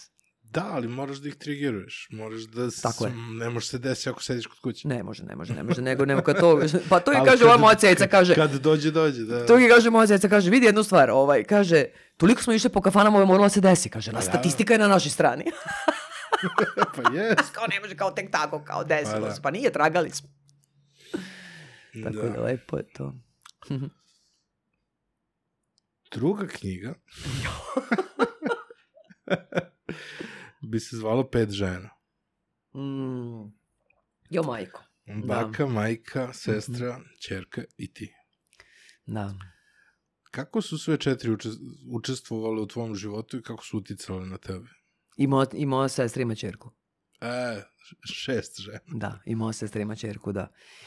Um, znaš što, to je ovaj... e, e, to može čovjek da sagleda donekle. Mhm. E, kad, kad tako nešto prolazi neko vreme, znaš, onda možeš da sagledaš da sagledaš neke ovaj, em, Pa zato mislim da je sad pravi trenutak za knjigu. da, da. Joj Bože, ti si već ne znam koja je osoba koja me nagovara da pišem neku knjigu, ja ne znam šta da radim sa tim. Možda još, ne, ne znam. Imaš dva meseca, Nadi Bojani. Da, Da tačno diktiraš u imam. telefon i da nekome daš posle da prekuci. Da. Samo treba pričaš. Da vidiš, mogli bi tako da nam, da. A nemam Šta ti pojma. teško? Dobro, Ajde nešto drugo me pita. Ovaj. Šta mi to Evo kao ti knjiga? sad, sad skiciraj, skiciraj otprilike. Um, Kako je baka? To, to je... To, Kako je baka oblikovala tebe? Mene kad pitaju, dakle, mene taj nacionalni osjećaj koji, koji nosim u sebi kao taj, tu, taj onaj lep patriotizam koji, koji nije odvojen od građanskog. Jer ja, ja zaista ne, ne verujem u tezu da, da, da je građansko odvojeno od patriotskog, da je nacionalno odvojeno od demokratskog. Ja, ja, ja To zaista se ne verujem. nameće onim binarnim su, Pa o jeste, smo to, su- pričali. pa da, jeste, da. to su stabilne razmišljanja koja su netačna, glupa, Mm. štetna. Um, I ne verujem, i, i onda je to, i, i kad me neko pita odakle je to, onda mi je to od, od, od, ovaj, od moje bake. Bila je profesorka istorije i, um, i, i znaš, pripadala onoj grupi žena koja e, koja objašnjava kao, kao znaš te priče kao že- žene kao su jake žene i to, znaš, kao. E, U stvari sam ja vremenom shvatila da, da tim ženama koje ostanu same ništa drugo ne preostaje nego da budu jake. Da ja ne znam u stvari da li je to, ta, da li je to tako ili je to jedini izbor koji ti imaš. Jer kako drugačije da preživiš ako ne budeš, ne budeš jak. I, I tu me je negdje, znaš, kao, kao, znaš, ti si jaka, pa ja u stvari ne znam da li mogu, da, da li sam možda i nešto drugo, pošto ne znam, ja nisam imala izbor. Znači, to su momenti kad nemaš izbor, kao, da, Aha. samo da bi preži... Mislim, u stvari imaš, hoćeš da preživiš i kao to je to. Znaš, i onda si, onda si jak. Kao što da radiš. Možda nisi, mislim, to se napravilo vremenom. Aha, aha. Ne možeš da budeš sla, slab ako si Pa, sam. pa kako? Pa kako? Aha. Da, nemaš, nemaš, ne- nemaš kad Nemaš da budeš. izbora. Pa nemaš izbora. Mislim, imaš, ali onda se pustiš nešto. Mm. I ovaj, e, tako da se mislim od nje da sam to, da sam to negde, e, e, negde naučila. E sa druge strane, znaš, ti imaš kao tu, tu jačinu e, kada, kada to tako naučiš i onda, i onda, i, onda i, i, i deluješ ostalima da si, da si jak kao stena i onda, znaš, pošto su ljudi skloni da ispunjavaju, ispunjavaju očekivanja svih ostalih, e, onda, e, onda i ti rasteš sa tim kao da ne možeš da budeš slab dok ne shvatiš u stvari da ne postoji, ne postoji ta vrsta kao biti slab, ne biti slab. Ne, ne, ne- da, da nije odraz slabosti ako misliš da, da nešto ne možeš i da si slab, nego je odraz jačine da to Mhm. shvatiš pa ćeš onda znati ćeš kako to da kako to da uradiš. Da ne možeš pod svaku cenu kao da ćeš nešto da ćeš nešto ovaj em, izugurati sam ili da nešto da nešto da nešto može. Tako da to je ta vrsta kada kada kada odrastaš sa sa tako jakim individuama, Mhm. e, to je i otrovi lek. Mhm. Sam, I onda je važno da vremenom samo, e, samo napraviš e, pravu dozu. Da znaš šta je šta. Mhm. znaš kako se, kako se u stvari, u stvari to koristi. Odnosno da bude, da bude samo lek. Da, da daš sebi da može da se nasloniš na nekog i da daš sebi ono mogućnost kao da, da nije nužno da sve moraš sam uvek Mhm. E, i to. I mene često pratilo to u životu da me ljudi i kroz intervjue kao da me pitaju o tim jakim ženama nešto. Ja ništa nisam znala da, da odgovorim na ta pitanja. Ja, buk- ja, ja, ja bukvalno ništa nisam znala šta da odgovorim. Ja sam vjerojatno odgovarala nešto kao iz leksikona, kao neki idiot, ono. Mm. Nešto kao, pa ne znam, jake žene. Ne, ja ne znam šta da ja ne znam, ja ne znam šta to znači uopšte. Zato što sam ja sama sa sobom ta, takva, pa ne, ne znam, ne znam šta drugi ljudi vide ili osete da ja sad kao to treba nešto definišem. Ako, ako me razumeš, šta hoću ti ka... Nis, nisam to ono kapirala šta, šta znači jake baš žene, nejake žene. Na to da, da si dosta puta bila ta koja je bila utočište slabim ženama. Pa da li, meni je to normalno. Znaš, to je, znaš kako je to? To je kao kad pitaš nekog ko, ko ima sluha, kao Mhm. kako ti pogodiš ton. Aha, aha. I sad, ka, sad na primjer, ja imam sluha. Kako pogled... Ja ne, kako, pa ne znam, ja samo, ja samo, ja samo otvorim usta i, i, i kao, eto, pratim muziku. Ja ne znam kako Dobro, ja to ali radim. Možeš nepogrešivo da kažeš ovaj nema sluh, recimo za mene. Znaš, Mogu. Tako da, e, to možeš da prepoznaš šta je to. Mogu, ali me- ali- možeš ali da ljudima- prepoznaš slabu ženu i koje su to neke karakteristike, Pa možeš, ali kako ti ka... A ljudima šta koji... je dovelo do toga. i Da, ali, ali ljudi koji imaju sluha, nam, mislim, ljudi, nama je to normalno. Mi, Mhm. nam, naš, nije ti to... Ne vidiš, meni, nije, meni to nije senzacija. Mhm. Nije mi to normalno. Meni kao puki, kao ubodeš to. Mislim, nije mi to, ne vidim ništa u tome, znaš, kao specijalno, ne znam. Ali okej, znači, da, ja, ja sam rasla ono sa, sa, e, sa bakom Ima i, neki i, i, koje je baka ponavljala kod ti je ostalo. i majkom. E, insistirala je strašno na tim visokim vrednostima koje su sloboda i poštenje. Aha. um, čast. To su, to su neke, neke te visoke vrednosti uh, koje ona, koje ona imala i da, i da bude u miru sa sobom, da bude u miru sa, sa, sa... Na primjer, ja sam 90. godina imala tu jednu kao ne, ne- nepristojnu ponudu ovaj, da, da, da uh, 96. godine, znači to vreme vladavine Slobodana Miloševića, odem na televiziju Pink da radim Aha. Ja sam zarađivala na RTS-u, na primjer, tri marke neke. No, no, nešto, neko, u- užas neki, ne, nešto, Mhm. nešto, jezivo nešto, ne znam koliko je nešto jako malo. I dobijem tu pomoć da odem tamo za neki, neku, u to vreme su oni imali tamo hiljadu maraka platu, na primjer. I meni se stomak onda bunio e, e, protiv toga. Ja sam mislila, bože dragi, šta ako mi kažu da idem u diskoteku Požarevac tamo da moram nešto, da, nešto da, kao neće moći. I moja okolina, svi moji prijatelji, su mi govorili, nemoj, nemoj budeš idiot. Šta te bre briga? Imaš te svoje vrednosti kao da si protiv Slobodana Miloševića, protiv si tog režima, imaš te svoje vrednosti, s druge strane si samohrana majka, imaš malo dete, zbrini to dete bre, da idete ko svet na more, da idete ko svet na skijanje, daj bre, nemoj, naš, na, i u tom pravcu su, su, su, su išli i onda me, ko baka. I onda sam se bakom ovaj, rekla, ovaj, rekao ja to, ona kaže šta ti je problem, ja kažem, ma ne znam, ne, ne, ne mogu da se, ne, ne, ne mogu, Mhm. stomak mi, stomak mi ne da i ona kaže, nemoj protiv sebe da ideš, makar nemala.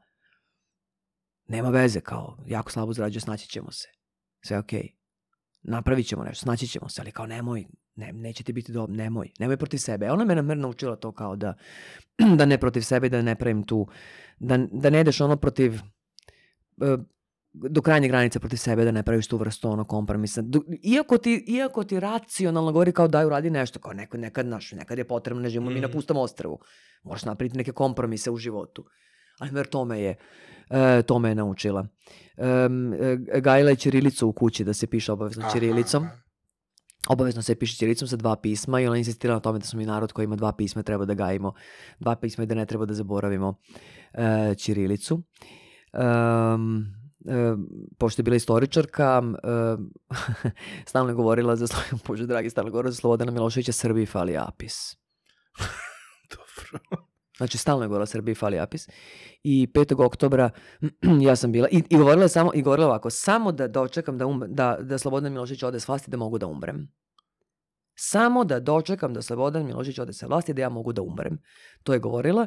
5. oktobra ja kao i svi koji su bili 5. oktobra u Beogradu, natečena od suzavca, plikavca, šta je sve ono bilo, zove mi je da joj čestitam rođendan. Njoj je rođendan bio 5. oktobra. Wow. Umrla je 5. januara. I ona i ona je, ona je govorila, samo, samo doček, i sa ko Srbiji fali, za Slobodan kao Srbiji fali apis.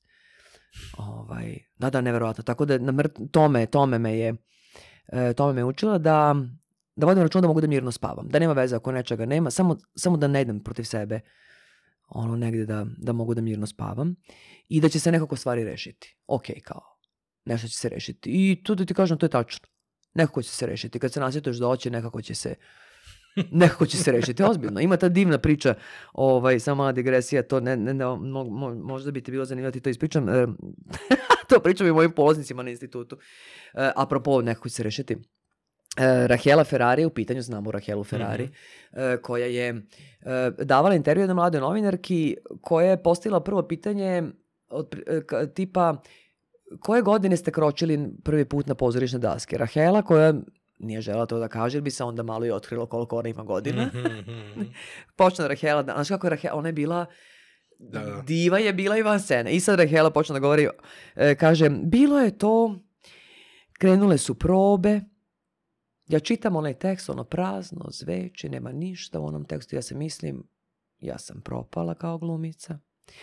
Ali mislim, desit će se nešto, valjda, kaže, krenuše čitajuće preobe, ništa, kaže, u meni prazno, zveči, nema ničega, ja se mislim, bože dragi, voda će nešto da se desi, kada krenuše kostimirane probe, ništa. U meni nema ničega, ja govorim onaj tekst, nema ničega, ja se mislim, ja nisam za ovaj posao, ja nisam ni glumica, ja ću propasti, ali sve mislim, desit će se nešto, dođe generalna proba, ma ništa.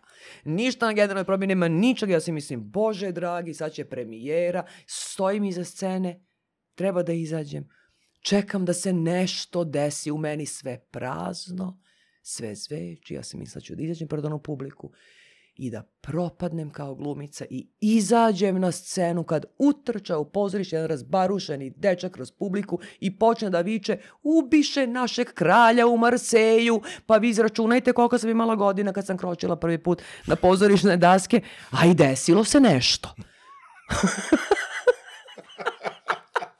Tako da ja se vodim, ta- tako me to me baka naučila i vodim se time ono kao, iako deluje da nešto je bezizlazno, desit će se nešto. Posle me NLP naučio kako to da zaista koristim ciljano. Da. Ali intuitivno da, desilo se.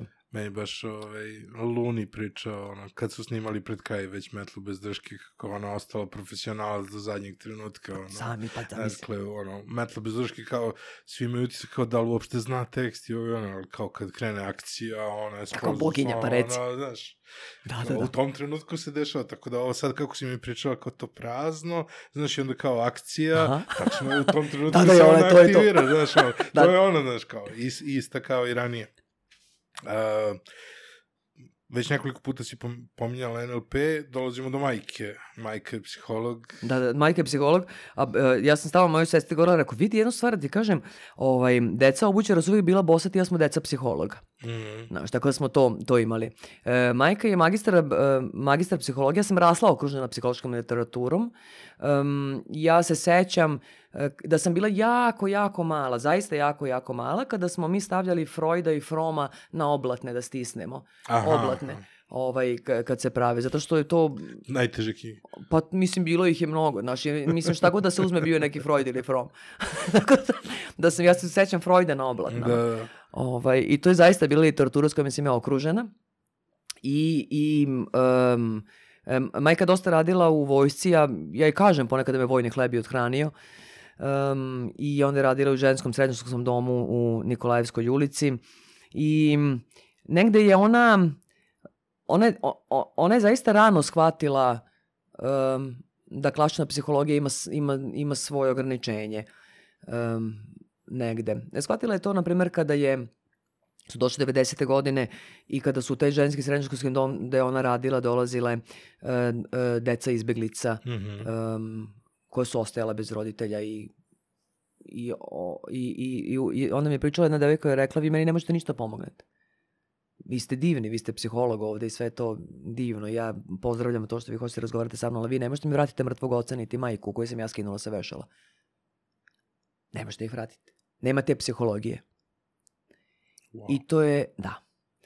I, i to, to je bilo moment kada se moja majka okrenula nekim alternativnim e, e, traženjima rešenja ka, kako da pomogne ljudima da, da, da nauče da žive sa, sa nečim što ne mogu da isprave. Mhm. Jer em, suštinski to je ono što nama treba. Znaš, kako da naučimo da živimo sa nečim što ne, na što ne možemo da utičemo i kako da utičemo na ono što stvarno možemo da utičemo, ali ljudi nemaju ideju da mogu da utiču na nešto. Mhm. Znači, zaista nemaju ideju, nego stalno misle da će uglati da će nešto proći, ali na, na jako mnogo stvari može se utiče, na neke ne može. I kako da nauči. I tu je onda majka tragala za nekim, nekim drugačijim, za, za autogenim treninzima um, uh, i za, za, za nekim drugačijim, drugačijim stvarima. Tako sam ja rasla To mi je okružena mnogo tim razmišljanjem. Zato što i NLP i uh, ovaj E- EFT, je Mhm. tako? Uh, jedan i drugi su praktično definisani kao pseudonauka. Ali su izuzetno poštovani od strane ljudi iz prakse. Jest, I jest. onda je tu onako jedan, e, ja, znaš, nisu, uh, nisu e, potpuno negirani kao zakon privlačnosti, tajne Da, i sve da, da, da, ostalo, da, da, da. ali su e, kategorizovani su kao pseudonauka. Jesu, I onda, da. ali su e, isto kao i sve ostalo što je vezano za alternativnu medicinu, ovaj, poštuje se, gleda se na to, nije baš nauka, nije baš uh, de facto medicina, ali tu je da pomogne. Da. Ja, ja na primjer, ne, ni, meni, na, ne nalazim na to kao da je NLP pseudonauka, ja ne znam ni ko tvrdi da je nauka uopšte, pa kao nije nauka nego je pseudo. Ne znam ko tvrdi da je nauka, mislim nije nauka, to je, to je metod, to je, to je sistemska studija um, on, o kojoj jeste utemeljena u neuro, u neuronauci o tome kako mi razmišljamo.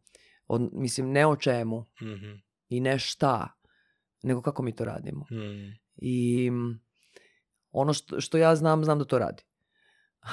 pa sad... Šta te je majka naučila?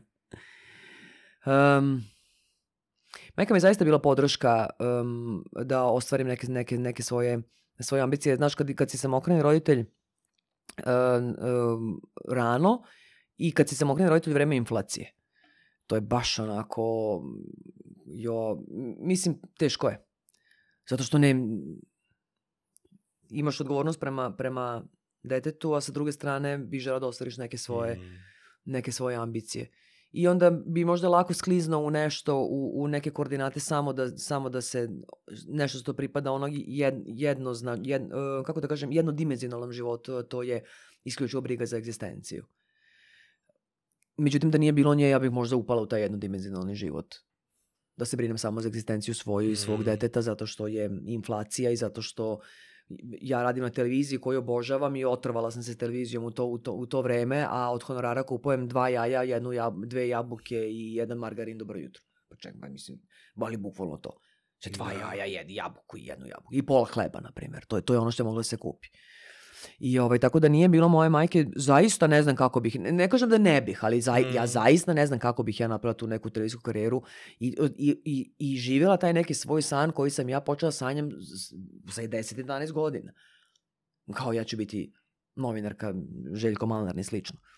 Ovaj, tako da me eto ona to naučila. Da, A reci da, mi ovu osnovu za, za NLP i za FT, ovaj si, jesi dobila od nje? Ja sad kad vratim film da, ali nisam znala da je to to onda. Mm -hmm. Znaš, ja nisam znala da je to to. Ja sam, san, one, ja sam uzela kod nje, ona mi je davala literaturu koju sam ja čitala, to, je, to su autogene treninzi, Mm -hmm. odnosno em, način na koji, e, suštinski je to bio rad na ograničavajućim uverenjima. Ja sada to znam da je bio rad na ograničavajućim uverenjima koja su, koja su nesvesna. Kod nas je svih imamo i zaista nije pitanje da li ih imamo Mm -hmm. ili da li neko nema. Ne, svi imamo ograničavajuće uverenja kojih nismo svesni. Neki smo svesni, ali većine mi nismo svesni. Mm. I to što sam radila sa, kao autogene trening, to jeste suštinski rad na, na ograničavajućim uverenjima koje ja sada, na primjer, radim sa, sa polaznicima mojih treninga kada dođe e, na red da se to radi. Ili mi toga nismo, sve, dakle, nismo svesni uopšte da, da, postoji, da, da, da, da postoji neka prepreka koju smo, koju smo mi postavili. Lista ta excuse lista, ta lista e, zašto nešto ne može kod nas, kod nas se ide iz svesnog nivoa mi to, ali to nije to. To, mislim, to nije tačno. To, mi, mi, mi, mi u to verujemo, ali to nije tačno. Aha, Mi to znamo, ali to nije tačno. Imamo podsvesno formatiranje neko. Apsolutno, podsvesno formatiranje. Ti imaš po, potpuno podsvesno formatiranje da nešto... I obično su ograničavajuće uverenja su, se baziraju na nekom strahu. Strahu od neuspeha, strahu da nešto neće moći, strahu da neće Mhm. uspeti, strahu da nismo dovoljno dobri, e, strahu da nas ljudi neće prihvatiti, e, strahu od kritike, strahu od javnog sramoćenja, strahu od blaćenja, strahu od ostavljanja, e, strahu od, od, od nečega. I tu se kriju odgovori, odgovori koji ljudi ne znaju. Ti kad ljude pitaš zašto nešto ne pokušaš, ljudi ne znaju. Ali oni ne znaju, da oni, zato što odgovor je tamo, ali ga nisu, ne znaju, ne znaju Nisu gde ga je. osvestili. Pa nisu, nisu ga osvestili, Mhm. ne znaju. Ti pitaš ljudi, ti, neka, ne, ne, ne ti da pitaš, ti možeš sam sebe da pitaš. Što je to ne pokuša? I ne znaš odgovor. Mhm. Ne, n- ne, zašto, zašto, za, čak, ljudi čak, čak, čak znaju šta je prvi korak za nešto. Čak znaš ti šta bi trebalo da uradiš nešto, ali ne radiš to. Dobro. Čak, čak, I ako sam sebe pitaš, "Ti, ok, zašto ja ovo ne, za- zašto ne uradim ovo? Ne znaju ljudi, kao da, kao da nešto, kao da, ljudi imaju osjećaj kao da ih nešto vuče ovako nazad. kao da bi oni probali, kao da, kao da te vuče neki magnet ovako, ovako nazad. I to su ta ograničavajuća uverenja. Kad Ili vratim to... bukagije. Bukagije, dobar Mm. izraz. Da. Kad vratim film, to što sam radila sa Michael Chase Ima ono sa slonom, ono kao, E, pa to je odlična priča. To je to. to je super priča. Da, to je slon, na, da, ka, to je slon kako je vezan. Ono. Da, Znaju slon kako je vezan, da. Pa da. Oni su vezani onom, onom, onom njihovu debelu nožicu slonovsku. Da, Kad su za mali- mali klin. Da. Za mali on je clean. Ali on tako raste sa tim i kad je veliki. I on može da samo ako pokrene nogu i da ode, ali slon, slon je uveren da ne može da ode. I on ne pokušava da ode uopšte.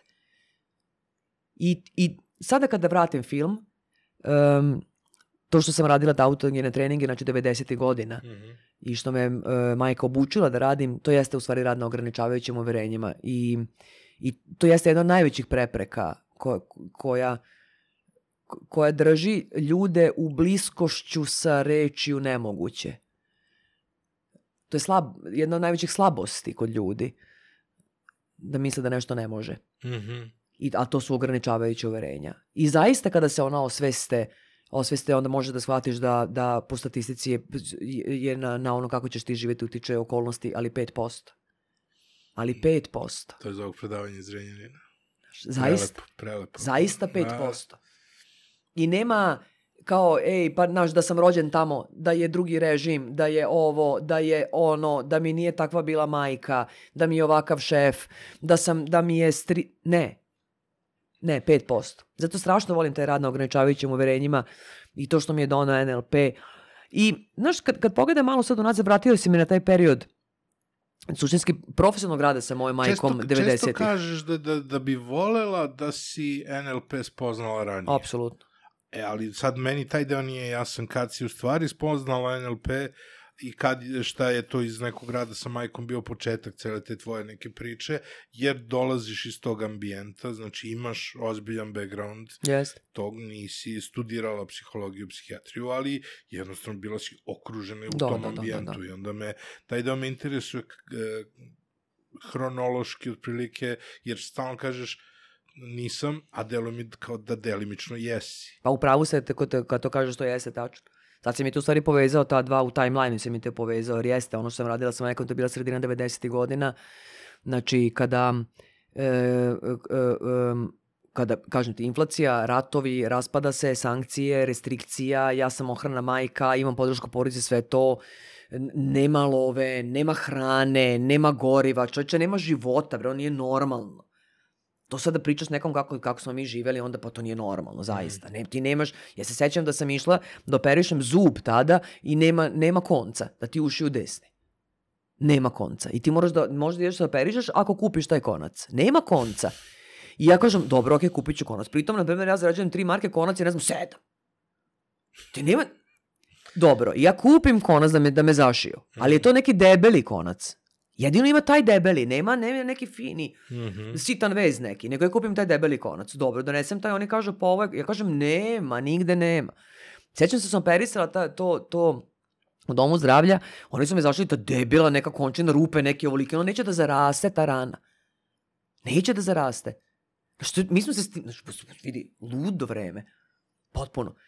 I zato što je bilo teško, i onda je taj najzda tih, tih izbeglica, te, te, te dece u toj patnji koja su živjela u tom domu gde je moja majka radila, srednjoškolskom, ovaj, i, i, i to njeno traganje kako da im, da im što pre pomogne da, da, da očuvaju neko svoje dobro stanje uprkos onome što se dešava s polja. Mhm. I ja sam onda dobila to od moje majke.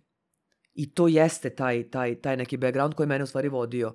To je taj glavni koncept Apsolutno, da se Apsolutno. ne baziraš na ono što ti se dešava, nego Tako je. na ono kako ti reaguješ na Tako to. je, tako je, tako je, tako je. I da suštinski, ja, sa- ja sada suštinski znam da da mi zaista nismo sazdani od onoga što, što se nama dogodilo. Ja to znam zaista. To, to, vidi kako ti kažem jednu stvar. To, to što se dogodilo, to ne postoji. Kako ne postoji? Pa ne postoji. Postoji samo naš doživljaj toga. Pa naravno. Ali mi smo saznani od onoga kako smo mi to doživjeli, Ali a ne od onoga što se dogodilo. Ali ti nisi treniran od, um, od najranijeg uzrasta da taj doživljaj oblikuješ kako treba. Tako je. I to je velika istina što si rekao. I, to je, i, to je, I toga mi je žao. Zašto nismo učili da mogu da upravljam svojim doživljajem nečega? Zašto nas to neko nije učio? Zašto nas to neko nije učio? Jer ne postoji. Ovo, ovo, ovo što mi sada snimamo, to za sat vremena neće postojati. Postojaće moj i tvoj doživljaj toga. Mi ćemo se sećati, Mhm. čulno, emocionalno ćemo se sećati kako je meni tebi bilo ovde. Ali to kao čin neće postojati. Nego samo to. Sva sreća snimam. Aha. I sigurno da se snima. da, o, opet ono, paranoično da proverim. Um, tako da, mi smo saznali od onoga što smo mi doži, od doživljaja onoga što se dogodilo. Mm. A naši doživljaji nisu isti za neke stvari. Mi doživimo događaj isti, ali mi ti ja različito doživimo. Što je to tako? Znaš, ono kad ti neko kaže, jo bre, šta dramiš oko toga? Nekom je to ništa, a tebi je sve. Ili obratno. Mi, ljudi različito doživljavaju iste eksterne trigere. Zašto je to tako? Mm. I meni se često desi ono sa ljudima sa kojima sam proveo gomilu vremena u detinstvu da se oni sećaju nekih stvari koje se ti uopšte ne Uopšte ne sećaš. sećaš. Ne Tako znam da li si vidio onaj, eh, bio onaj super video, onaj, eh, ja to često koristim za studije slučajeva, eh, to se zove Lollipop efekt. Kada je tip uradio nešto na fakultetu, devojci koja čekala u redu, koja je htjela da odustane od fakulteta. Nisam gledala. I to. onda, zato što on tako blesav, ona je ostala na tom fakultetu, između ostalog izblamirao je dečka ispred nje, ona se i dan dana zabavlja sa tim dečkom i kao, Evo pošto on odlazi sa fakulteta, sad je došlo da mu to kaže. I onda je on ima celo predavanje na TED-u na tu temu koliko tih nekih stvari koje smo mi uradili je uticalo na nečije živote, a da mi nemamo pojma. E, to je to. I koliko je važno da ako ti je neko promenio život, da ga pronađeš i da mu kažeš. Mm, jest. Znaš, jer znači će mu, a tebi je to možda nešto onako što ti je bilo prosto usput.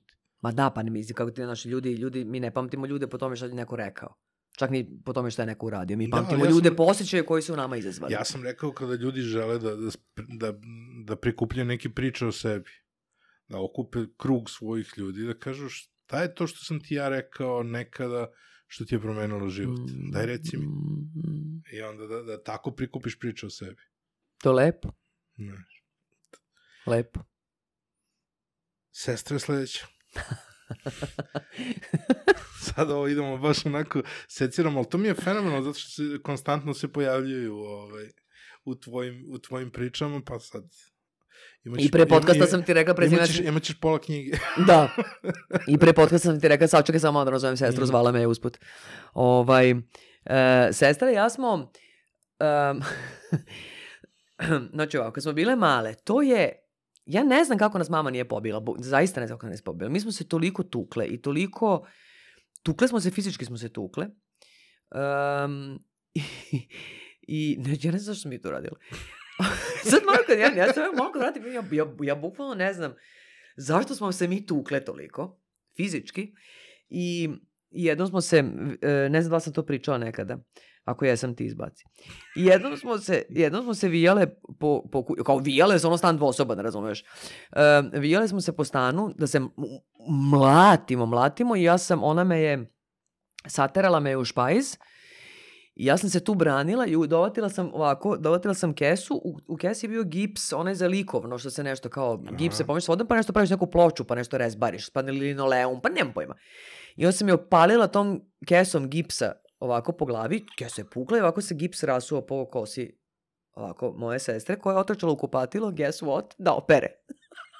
Da zalije gips u. Aha. Vrh. To se stvrdnulo.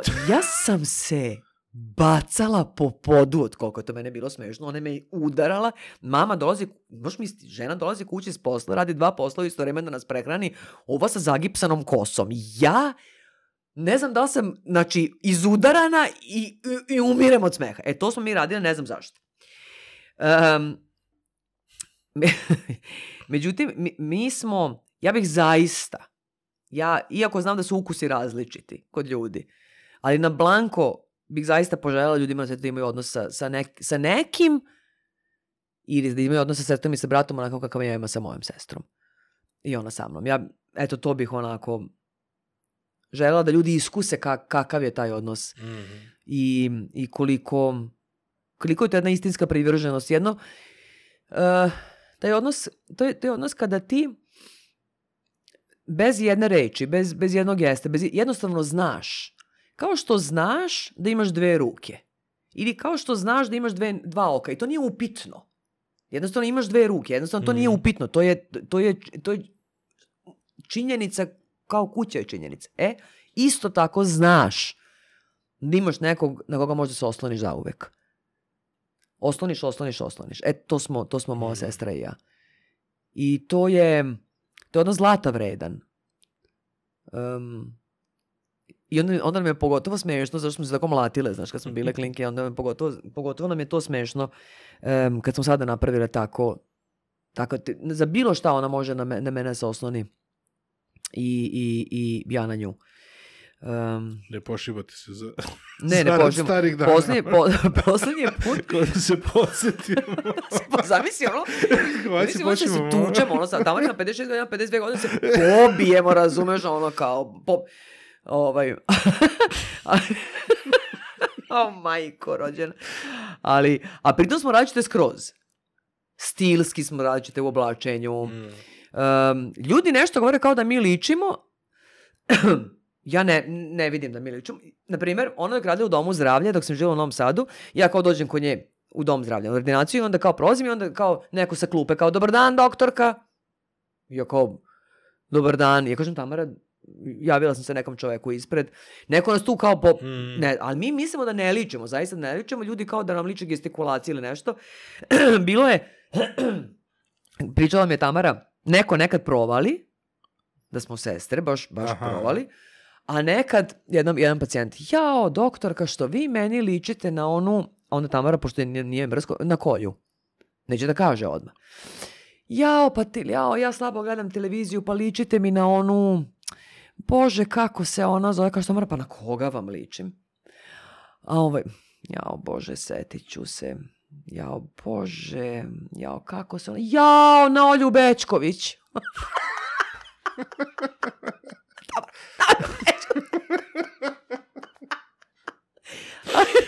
to je bilo. A na primjer... Ali ima i da provale kao, jo, doktor, koji vi kao što ličete, ne znam, nama dvema, ne. Da. Različite smo skroz. Garderoba stilski smo različite Da. skroz. Ovaj, mali dan danas menjamo garderobu ovim godinama, odrasle žene, ali menjamo kao garderobu. Ceo život smo se menjali garderobe, otimale se ceo život, nabeđivale šta je čije, Ko se prvi probudi, taj ko se obuče. prvi probudi, taj se najlepše obuče.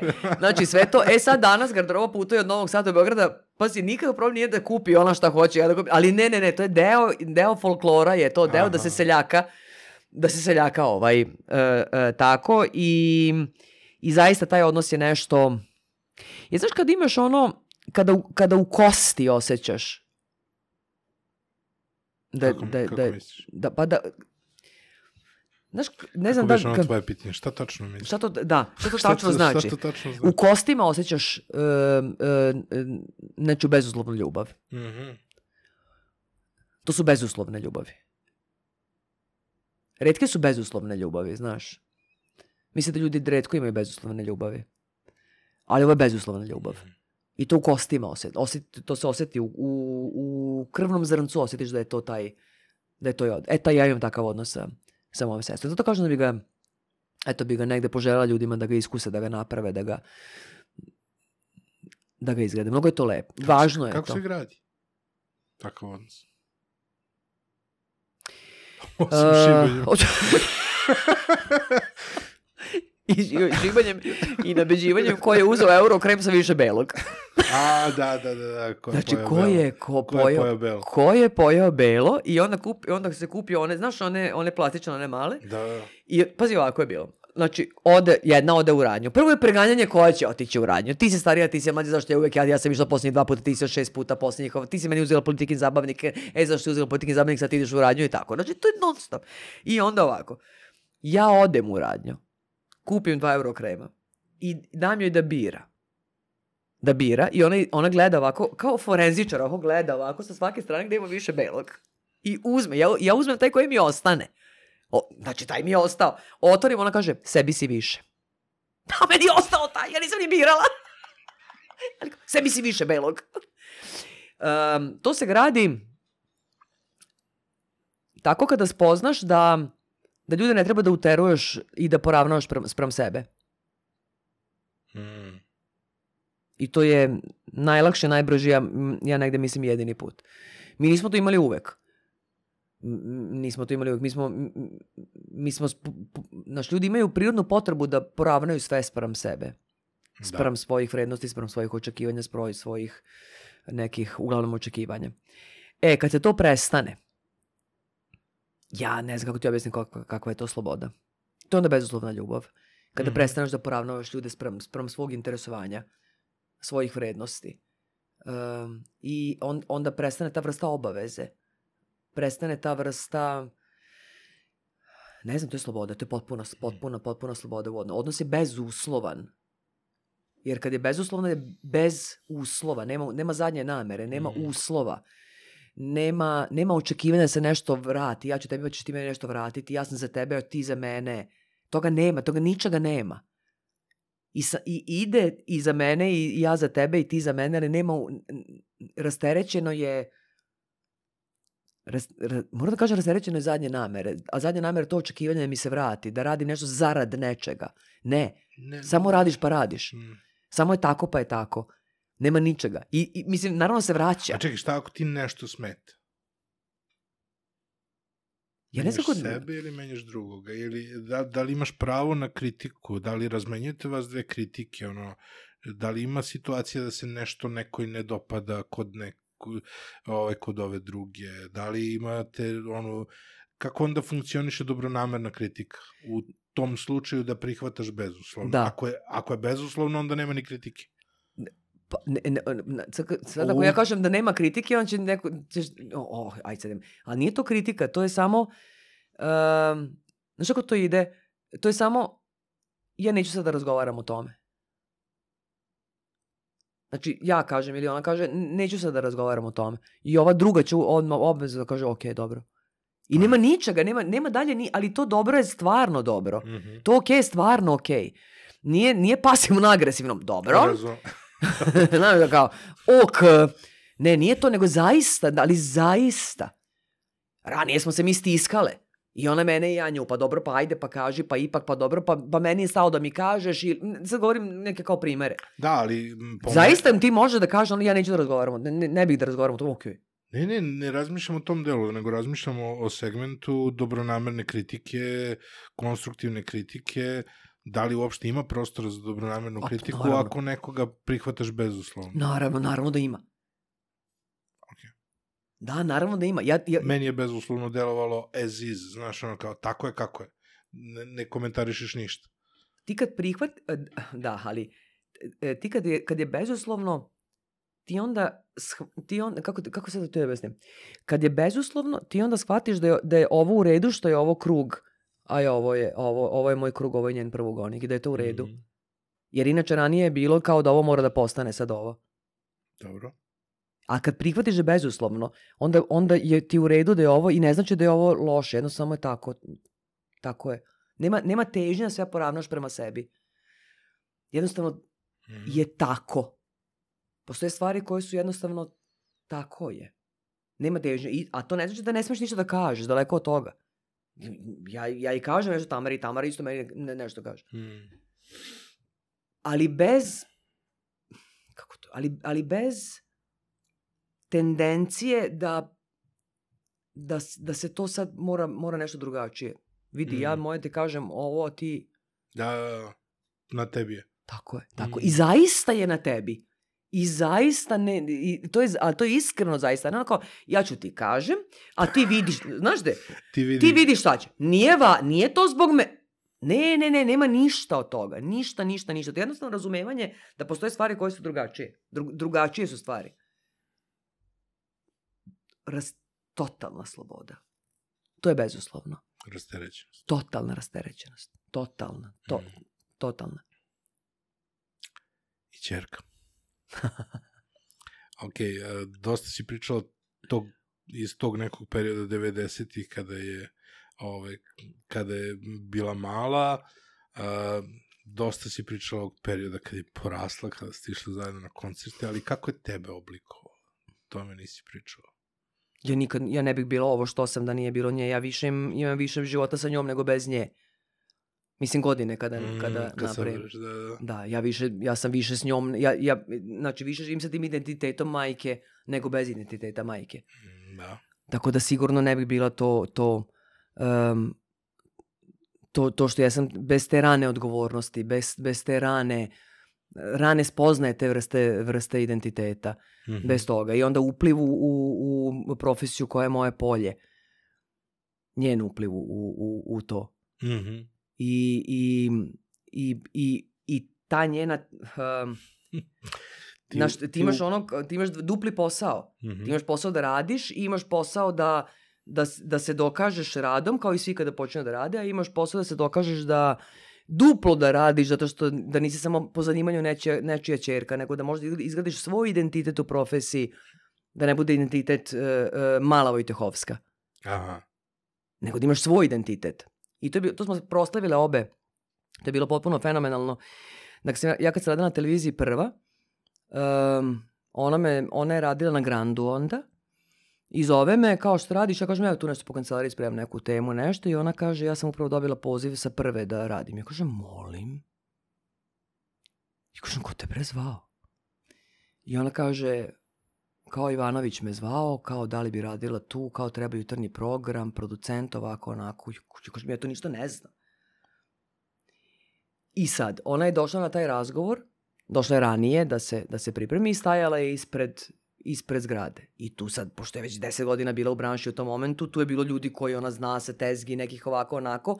I šta je bilo super? Niko od tih ljudi koje je ona srela, niko nije rekao da si došla kod mame na posao, nego su svi rekli, jel prelaziš kod nas? Znači, niko nije povezao da je ona možda došla samo od me, kod mene Mm. nešto, da ne znam šta. Znači, niko, niko, nego su, jao, jel dolaziš, jel dolaziš? Tako da je to bio moment kad smo obe proslavile zaista to što je izgradila negde, negde svoj identitet. Pa sjajno. Da, to je, to je baš, baš, baš Mislim, važno je toj deci koja nose, koja nose roditeljsko prezime i ulaze u branšu gde su, gde su roditelji. Nije imala ambiciju da bude ispred kamera, Mm. nije. Imala jedno vreme ambiciju da bude glumica. Mhm. To je negde u srednjoj školi, sa 15-16 godina. Ja sam ju rekao, ok, idi pa probaj na akademiju sa 16 godina ako hoćeš. Mislim, idi, pa probaj. Ovaj, em, ali eto, eto, nije, nije otišla u te vode. I mene sad, ona, e, znaš, mene sad, kad vidim, ona je, ona je svoj čovek, Mm. živi u, svom stanu sad. Sad je Nadi Bojani sa svojim drugaricama, svojim psom, ludom, Gretom. Ovaj, bože, taj pas je potpuno lud. Ovaj, ja kad, kad je, kad je vidim tako odraslu, znaš, mene, Mhm. mene zbunjuje činjenica da je to moje dete. Meni, znaš, nekad se onako, zbunjuje me činjenice, vidiš kad ti deca porastu.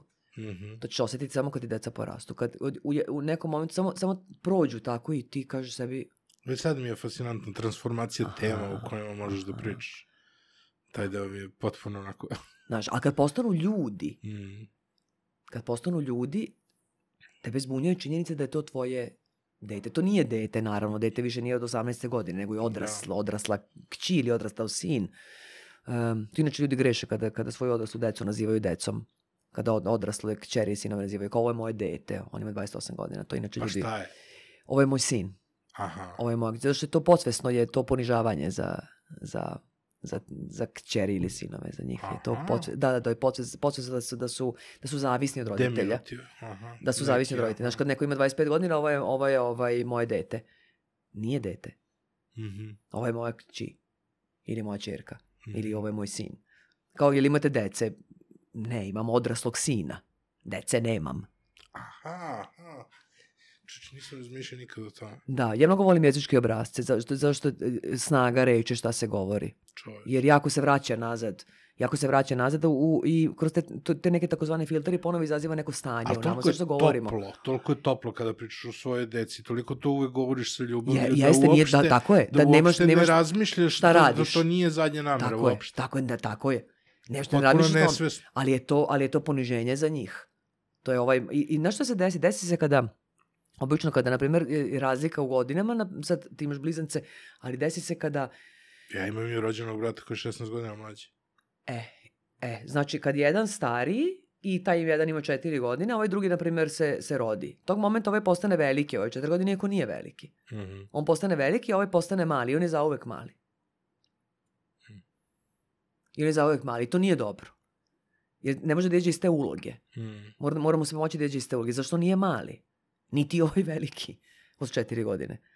I to, na primjer, pošto ja sam fascinirana uh, um, koliko jezik, koliko mi nesvesno koristimo jezik i te takozvane jezičke obrazce, kako oni utiču na naše na, na naše stanje. Eto, na primjer, Mhm. to da kažeš e, imam, imam ovaj dete. Pa koliko dete ima godina? 28.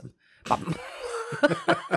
da, mislim, vidiš kad to spojimo, ni- nešto, nešto neštima. Koliko ima vaš mali? Koliko ima vaš mali, znaš? Pitaš ono kao mali ima 70 godina, znaš, kao, evo 90. Sluša ali mali. ovaj, ali sam ja fascinirana jezičkim obracima i tome što smo mi nesvesni, nesvesni šta, šta govorimo jedni drugima i šta govorimo sebi. Aha. Pošto mi mnogo govorimo o sebi. Mislim, to ne znači da smo mi svesni toga da, da, da razgovaramo s ovom kao, ne, ne, ne, to mrmljanje stalno postoji.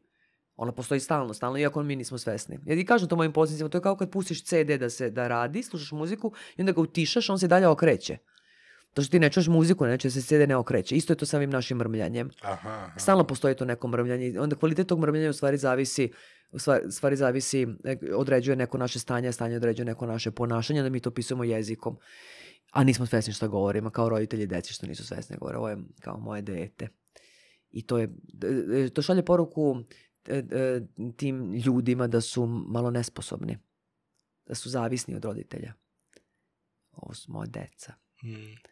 Nesvesni. Tako da je jako važno da pazimo šta govorimo. I dalje se nadam da nije sa zadnjom namerom, nego da je to prosto Nije. usvojen i pogrešan obrazac. usvojen je pogrešan obrazac i nije sa zadnjom namerom, pošto je sve obrazac.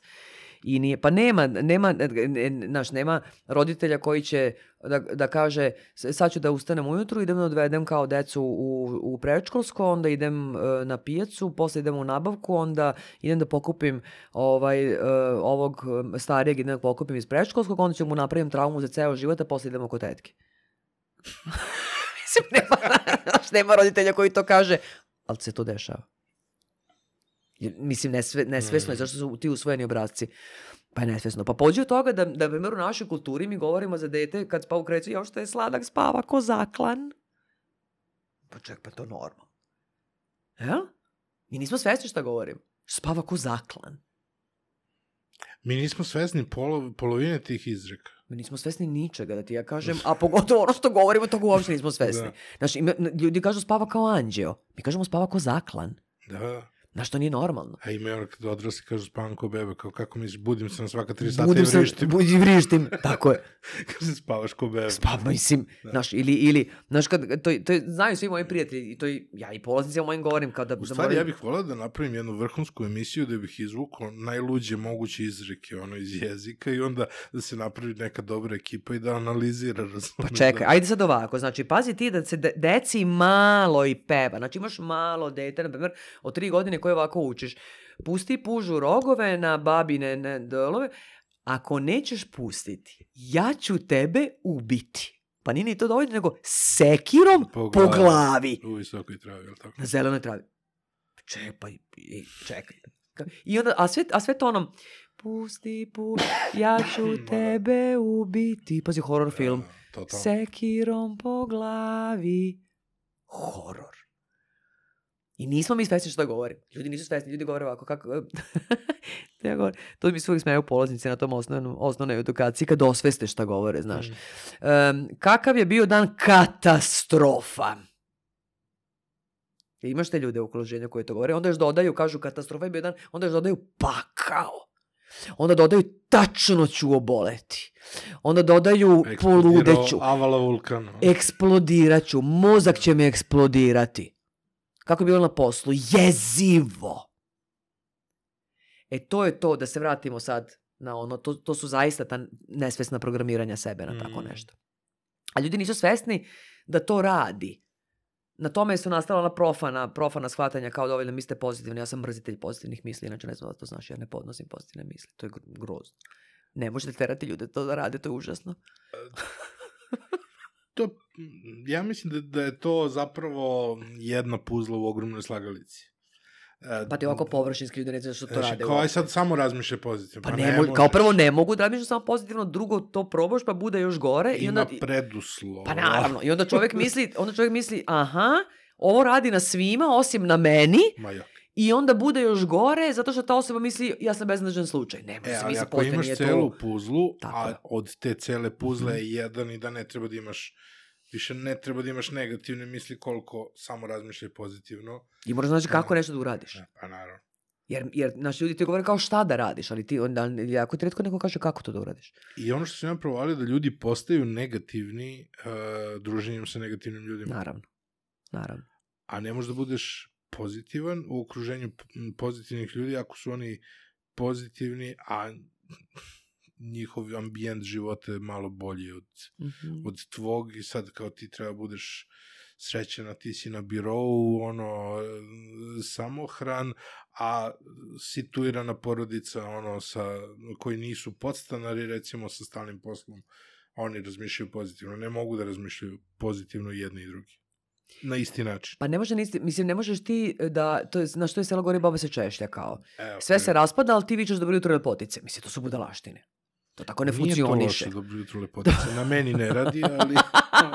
ali znaš kako to, kao, ne, ne ide to tako, ne, Da, to da. ne funkcioniše na taj način. Funkci, postoji, postoji mehanizam koji jeste u tome utemeljen uh, uh, uh, na, na tome kako da uradiš nešto, jer, znaš kako, ljudi, um, to, ja sam fascinirana tom, tom, sad ću da to podelim na TED govor ovde u, u, u, u Crnoj Gori. Ja, e, e, postoji, u prirodi postoji obrazac ponavljanja, sve se ponavlja Mhm. ponavlja se dan, noć, e, plima oseka, um, pogledaj koliko ima vlati trave, zrna peska, sve se ponavlja. Cikličnost. Ti kada, ti kada presečeš jabuku, imaš jednu Mhm. mustru koja se ponavlja. Kada presečeš glavicu kupusa, imaš, imaš mustru koja se ponavlja. Evo ti ovo se ponavlja ovako. Se ponavlja. Drveće se ponavlja ovako, pa grana, pa grana, grana, grana, pa listovi, pa u listu. Sve se ponavlja. Mhm. I mi isto. Mi, mi smo deo, deo ponavljajućeg obrazca. Mi se, nama se ponavljaju način na koji mi razmišljamo, o čemu razmišljamo, šta razmišljamo, način na koji to radimo. Ponavljaju se ponašanja, Mhm. mi imamo ponavljajuća ponašanja, međutim ono što ljudi, misle da ljudi manje znaju, em, ponavlja se to kako se zbog nečega osjećamo. Nama su, nama su osjećanja pos- postanu navika. Ona se ponavljaju. Osjećanja postoje navika. Aha. Dobro. Kako, to kako se osjećamo zbog nečeg, to postane navika. I mi se naviknemo na neke, na neke osjećaje. I zato se dešava da ako, su, ako se, na primjer, ljudi loše osjećaju u nekom odnosu, Mhm. oni odu iz tog odnosa.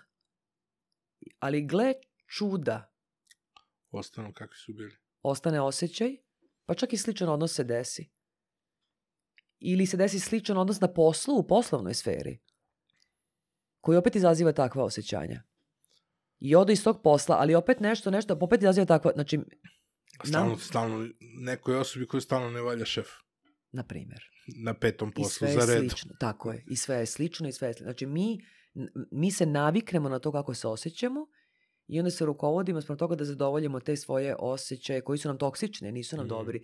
Dakle, nama se, nama se osjećanja ponavljaju u tom, u tom ponavljajućem obrazcu. I postoji način da se to prekine. Meni je to fascinantno, da postoji način da se prekine kako se, kako se Kako? ljudi osjećaju. Gde, Kada ti- gde zabodeš klip u taj točak? Ovo je zanimljivo kako si formulisao to, zato što, za- zato što zaista treba da zabodeš klip. Jako je zanimljivo. Na, znaš kako to ide? Em, pošto taj ponavljajući obrazac postoji, i on, on postoji pa postoji, i on mora da postoji, takva je priroda, i mi smo ponavljajući obrazac, jednostavno je takva priroda. Možeš Da Odlično. Odlično. Znači, napravit ću novi ponavljajući obrazac. Da, da. Napravit ću novi. Tako što ću da zabadam kao klipove poželjnog mog stanja, jer će u jednom momentu da se zapati. Umesto. Zameniš Tako je. gumu. Aha. Tako je. Dakle, nije potrebno da sad da se uloži veliki napor da se obrazac loših osjećaja ubije, pa onda dodatni veliki napor da se napravi novi. Ne, stvar je automatska, zato što ponavljajući obrazac je prirodni fenomen. Ti kada gradiš jedan novi, ovaj će u jednom momentu da, um, da, da nestane ovaj sam. I to je potpuno fascinantno. Mhm. Mislim, to je ono što ja radim sa sobom, to sam ja sa sobom uradila. Jer ljudi, znaš To mi kako, je sledeće pitanje, šta si prvo reformatirala kod sebe? to kako se doživljavam stvarnost, to kako se osjećam, da nemam rupu ovde u stomaku, rupa u stomaku i praznina neka ovde je stvar lošeg osjećaja. Ja sam bila od toga umorna. Ljudi, i to sam shvatila da ljudi nisu umorni od toga šta rade, ljudi su umorni od toga kako se osjećaju. Nismo mi umorni od ljudi, mi smo umorni od odnosa. Nismo umorni od dnevnih obaveza, mi smo umorni od toga kako se osjećamo zbog toga. Nisu ljudi umorni ni zbog toga što ponekad nemaju novca ili imaju hronično nemanje novca. Ljudi su umorni kako se osjećaju zbog toga. Jer ti kad otputuješ vidiš ljude koji nemaju dva centa u džepu, ali se osjećaju fenomenalno. U nekim drugim kulturama. Mi nismo umorni od toga šta jeste spolje, nego kako se ja to doživljavam. Kako se ja osjećam sprem toga. Mm. Znaš, neko doživio otkaz kao kraj sveta. Neko kaže, ok. Ja? Neko doživi razvod kao kraj sveta. Ili, ili ostaje u lošim odnosima samo da se ne bi razveo zašto je razvod kraj sveta. Neko, ko, who cares? Šta ima veze? Ljudi se sastaju i rastaju. Šta ima veze? Mm. Dakle, mi različito reagujemo na neke stvari. Ali nas, nas je okolina naučila kako treba da se osjećamo zbog nečega. Mi ispunjavamo očekivanja okoline čak i kako treba da se poželjno osjećamo i da manifestujemo svoje osjećanja. Znači, u našoj kulturi svoje vremena je razvod bio smak sveta. Ja sam dete razvedenih roditelja, na, dakle, u mojim generaciji, u mojoj generaciji to, je, to se, kada se deca upisuju u školu, se na, posebno napomene psihologu u školi učiteljice, znate, ona je dete razvedenih roditelja. Da se posebno obrati, naš. Jer, jer je to bio smak sveta. I da sad spojim s jezičkim obrazcima, mi imamo u jezičkom obrazcu, to je toliko bilo strašno da imamo reč raspuštenica. Ja znam. Pazi ti, raspuštenica, pazi ti tu reč. Koja, koja tako žigoše, raspuštenik naravno nema. Ima raspuštenica. Pa dobro, sad imamo rodno senzitivni jezik. Sigurno bi morao. Opet nemamo raspuštenik. Mm? Opet ne postoji, niko ne govori raspuštenik. Da, razveden. Tako je. Mm. On je razveden. Niko ne kaže raspuštenik. Niko, nigde, nikada. Da. Zamisli to. To je recimo kontraargument za rodno senzitivan jezik, pošto postoji jedna fenomenalna teza s kojom sam se oduševio kada su mi pokazali kao, eto kao, kad, kad je potrebno za muškarce, kao odmah se skupi i nađe, kao eto, za babicu su našli akušer, znaš, ali kao, ako treba da se smisli ovaj, ženski termin, kao za nešto što je teže, kao to neće niko da se cima, znaš. Da, da, da. Tako da. je ovo- Evo ti ovo. Ali ovo je sad kontra, ovo je kao, Aha. čak negativan termin, veoma lako je, postoji za, Pa da. za žensko, Pa a ne da. postoji za muškarce. Pa da. Tako da, em, da mi, mi se čak i osjećamo očekivano. Mi se osjećamo Oče, očekivano. o, odnosno, od nas se očekuje kako treba da se osjećamo spram, spram nečega. Kako treba da se osjećamo. Ti m, osjeća se... em, na primer, moraš da, se vese, moraš da budeš srećan za, za novu godinu, za doček. Evo da krenemo od banalnih primjera. Moraš da si dobro raspoložen, da se Dobro. super osjećaš za novu godinu, samo me gledaj kako ne moram. I znaš što? Kao mora, nova godina, svi smo srećni. Znaš, ima ono u seksi gradu, ono kad Miranda stavi ultrazvuk svog deteta, pa kad ona njena sprema, nje- njena žena što je čisti stan, kao, e, ona kao, Miranda kao, to je dečak, a ova kao, it's a boy, it's a boy. I sad Miranda kao, ok, it's a boy. O, znači, moraš da budeš srećan, ona je šokirana, nešto se dešava, ali o, ljudi, okolina očekuju od nas da se osjećamo po obrazcu. U našim kulturama u to vreme obrazac za razvod Mm. moraš da moraš da patiš. Moraš da moraš da budeš ono mora mora da sve da potone. Otkaz ni pošto. Zato što ljudi ostali u toksičnim vezama, slučajno se ne bi razveli. Otkaz ni pošto ostaješ, ostaješ na lošem poslu. Zato što ka, kako? Otk, ne, ni pošto otkaz je kraj sveta nekada bio. Sad zavisi kako je ko vaspitan. Znači, ljudi od nas očekuju kako mi treba da se osjećamo spram nečega. E sad, To sam ja imao recimo problem, to očekivano ponašanje. Ja sam imao problem, razgovarao sam sa ženom koja je pukovnik policije u penziji, koja je radi sa, uh, koja radi, radi sad kod Igora Jurića, sa njim u stvari, ovaj, i jako pričala je ovde neke slučajeve a, zlostavljanja i ostalo. E sada, ja imam problem ovde u podcastu, jer ona je meni gost. mhm. Ja želim prema njoj da budem ono blago nasmejan, Mhm. da, da se ona ovde, jer ipak je ovde u ovom prostoru sa mnom, Mhm. razgovara sa mnom, a ona priča teške priče, Mhm, mhm, doduše nije iz prvog lica, ali opet nema veze. mhm. Ja se osjećam šizofreno tokom razgovora, jer kao, glupo mi da budem ono, smrtno ozbiljan, jer ona priča e, ove tužne stvari, rekao, žena će prestane da priča. Mm. A opet sa druge strane, glupo mi da budem nasmejan dok ona priča. ne možeš. Znaš, i kao koji i to, zato mi je ono između ostalog i bilo super što ti dolaziš uh, jer ti si imala te svoje transformacije Mhm. svaki put kada si pričala ti si ono 300% učestvovala u svakom Da, razgovoru da, da, da, da, da.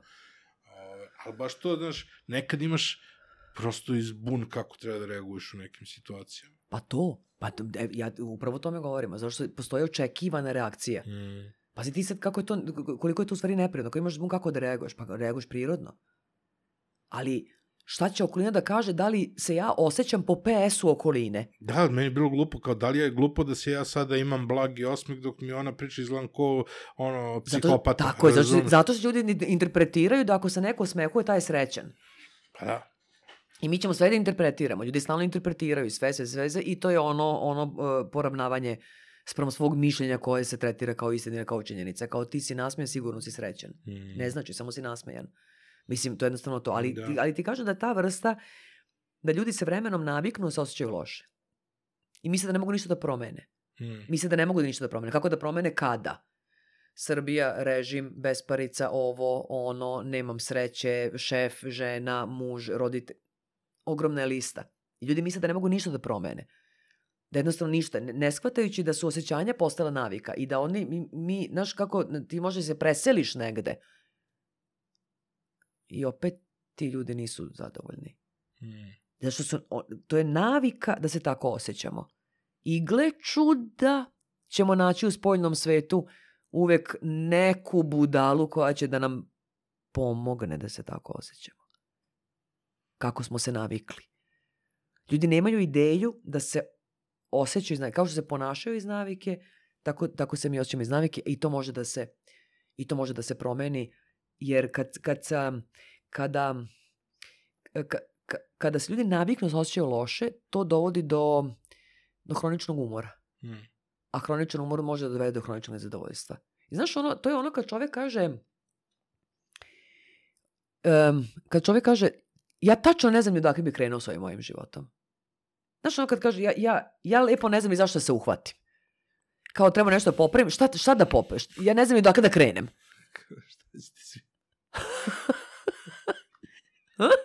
Kako su ti otišle misli, priznaj?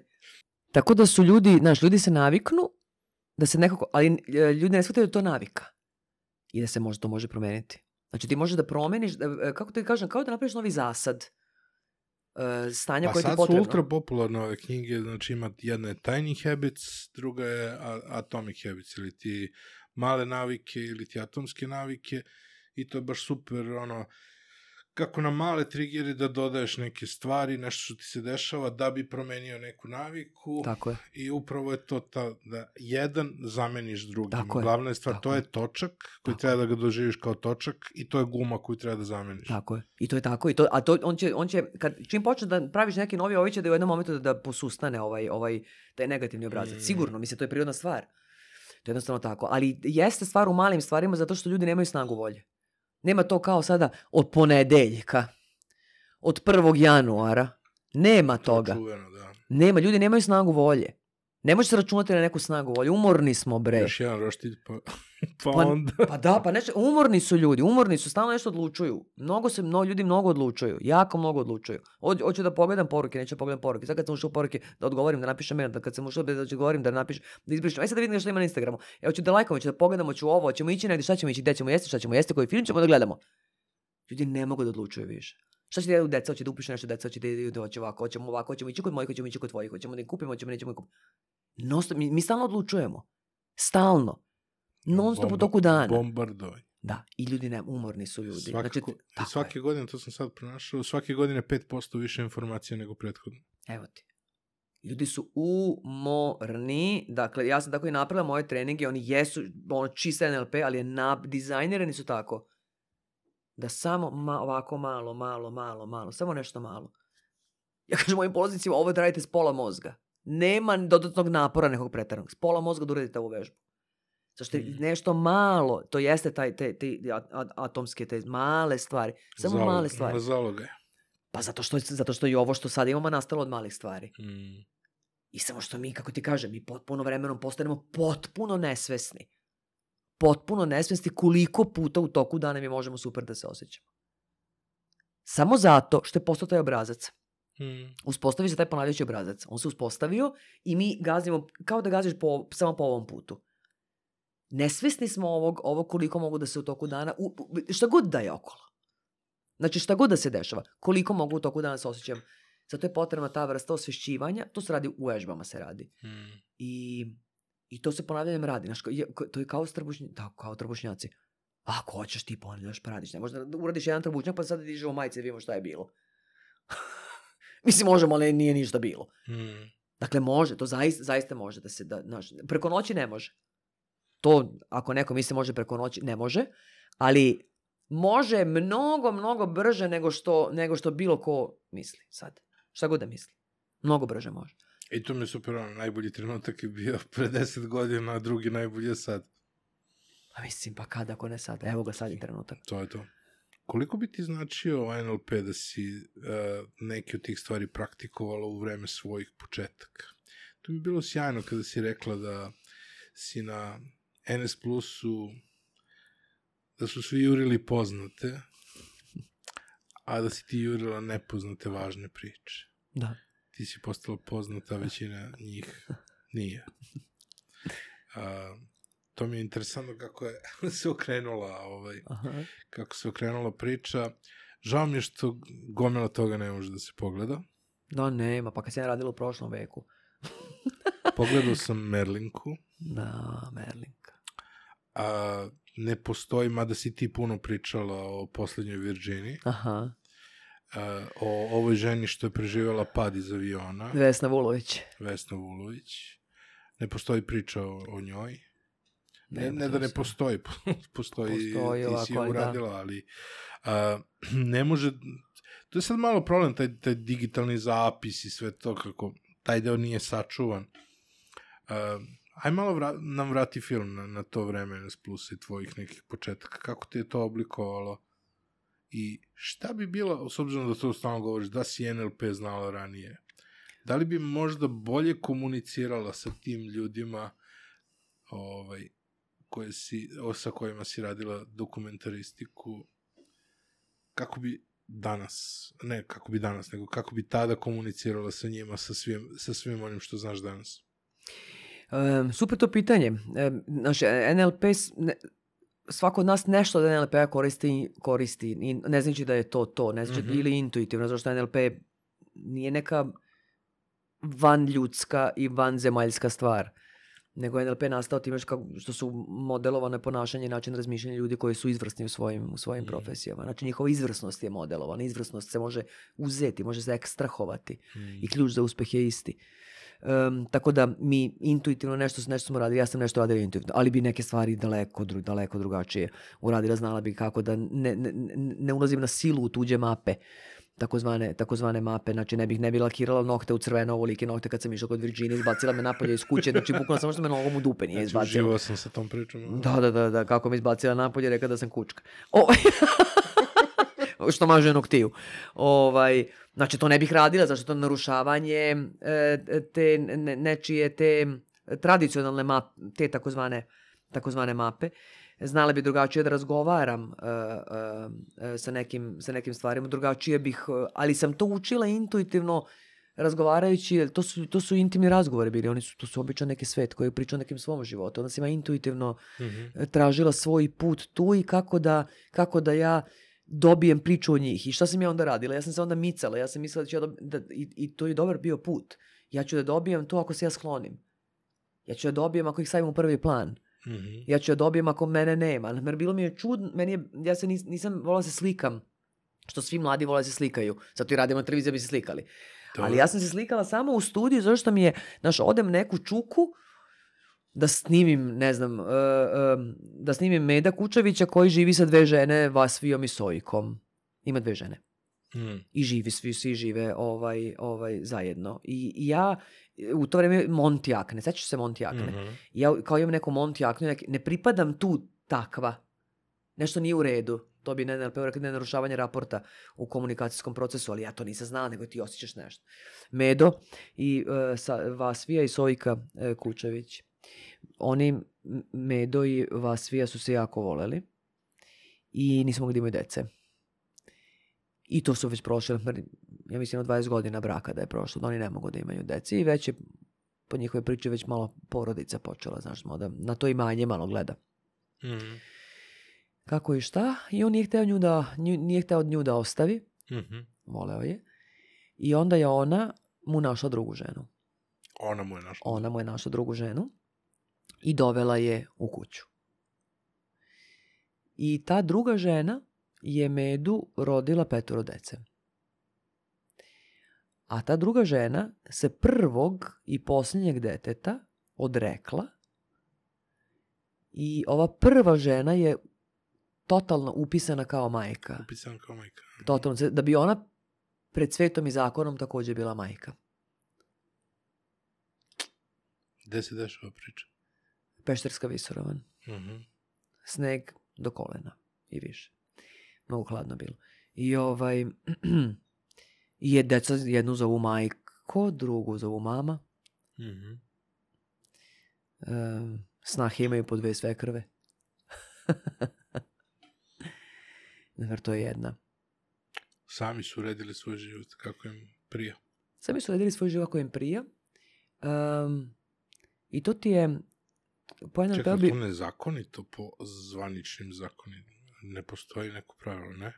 Pa mislim da kod nas bigamija nije dozvoljena zakonski. U smislu da možeš da ozakoniš brak sa dve žene. Ti ne možeš da imaš Aha. dve žene zakonski. Mislim, moraš biti razveden da bi se venčao drugi put. Ali da, Da. da živiš sa dve žene, Niko ti ne brani, niko ti ne brani, jel? osim žena.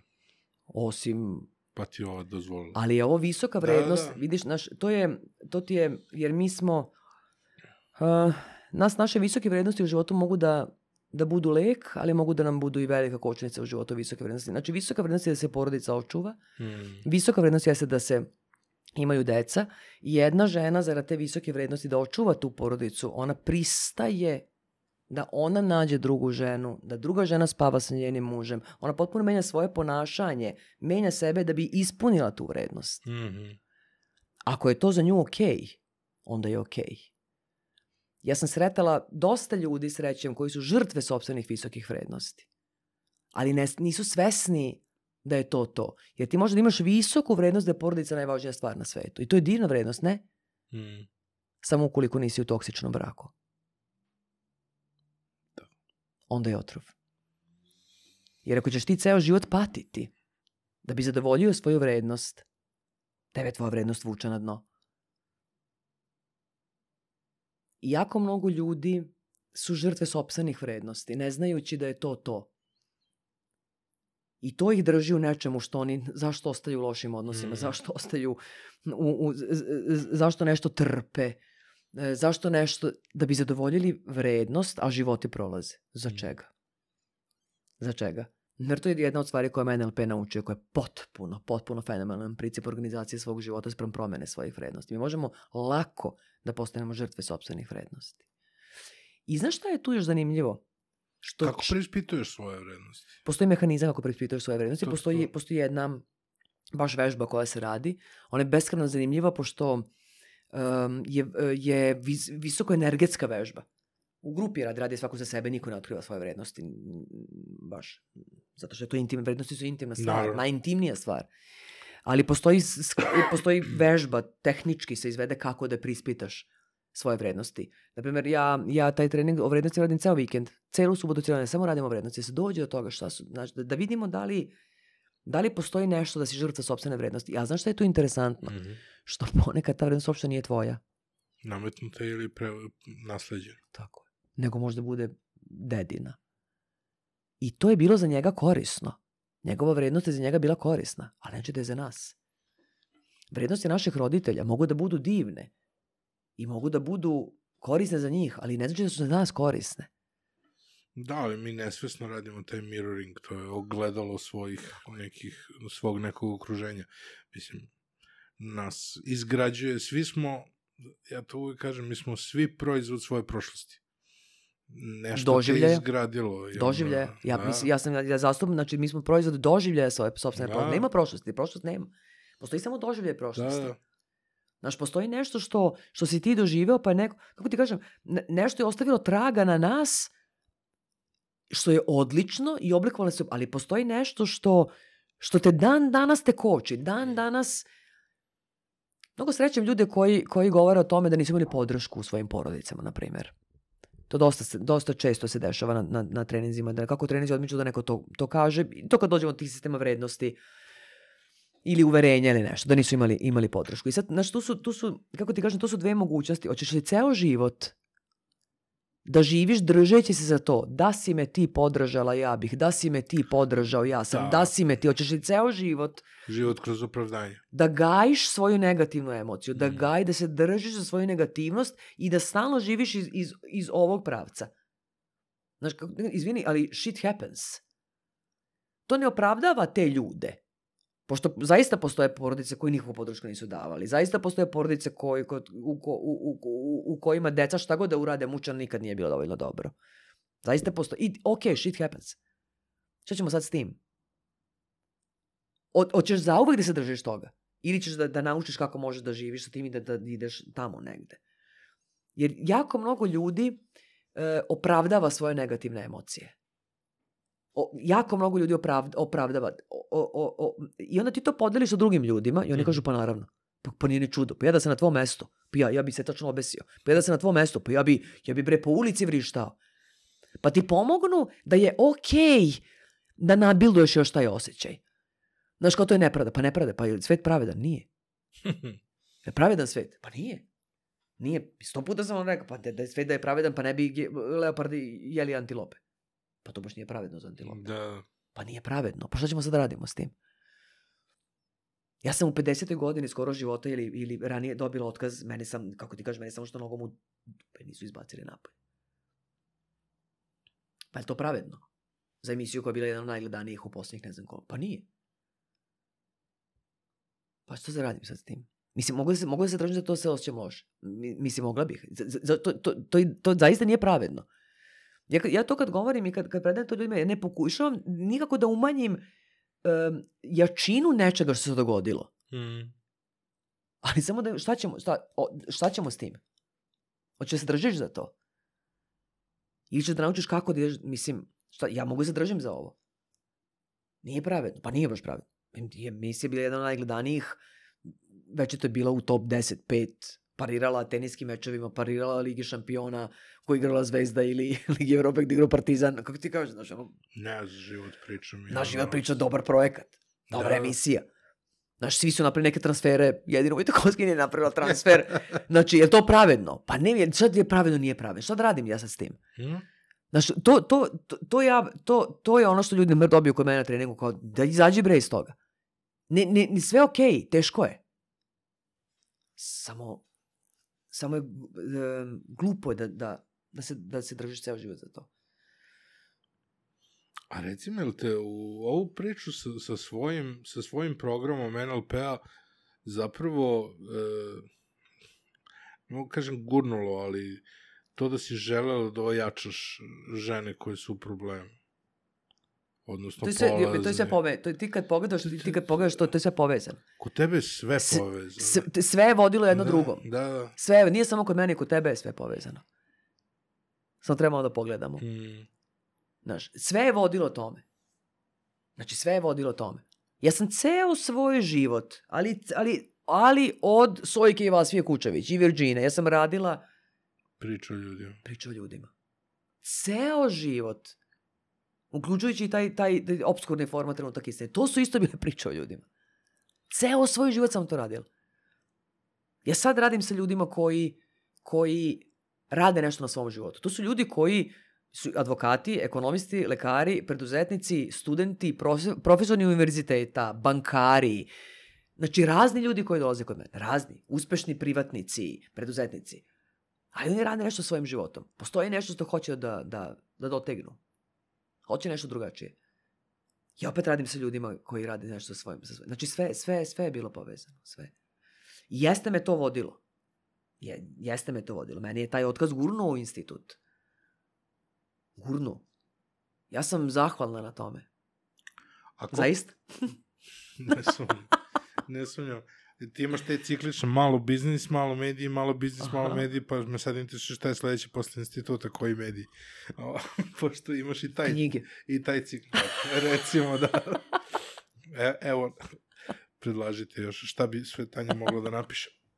Uh, ne znam što ima se glasno danas. što sam teo da te pitam? Uh, prve priče koje si radila su bile proizvod života, okruženja, svega toga, a nekako priče u život priča su bile drastično uh, odraz sistema u kome živimo. Mhm, mhm. Gde manje više rešenje okvirno znamo gde je.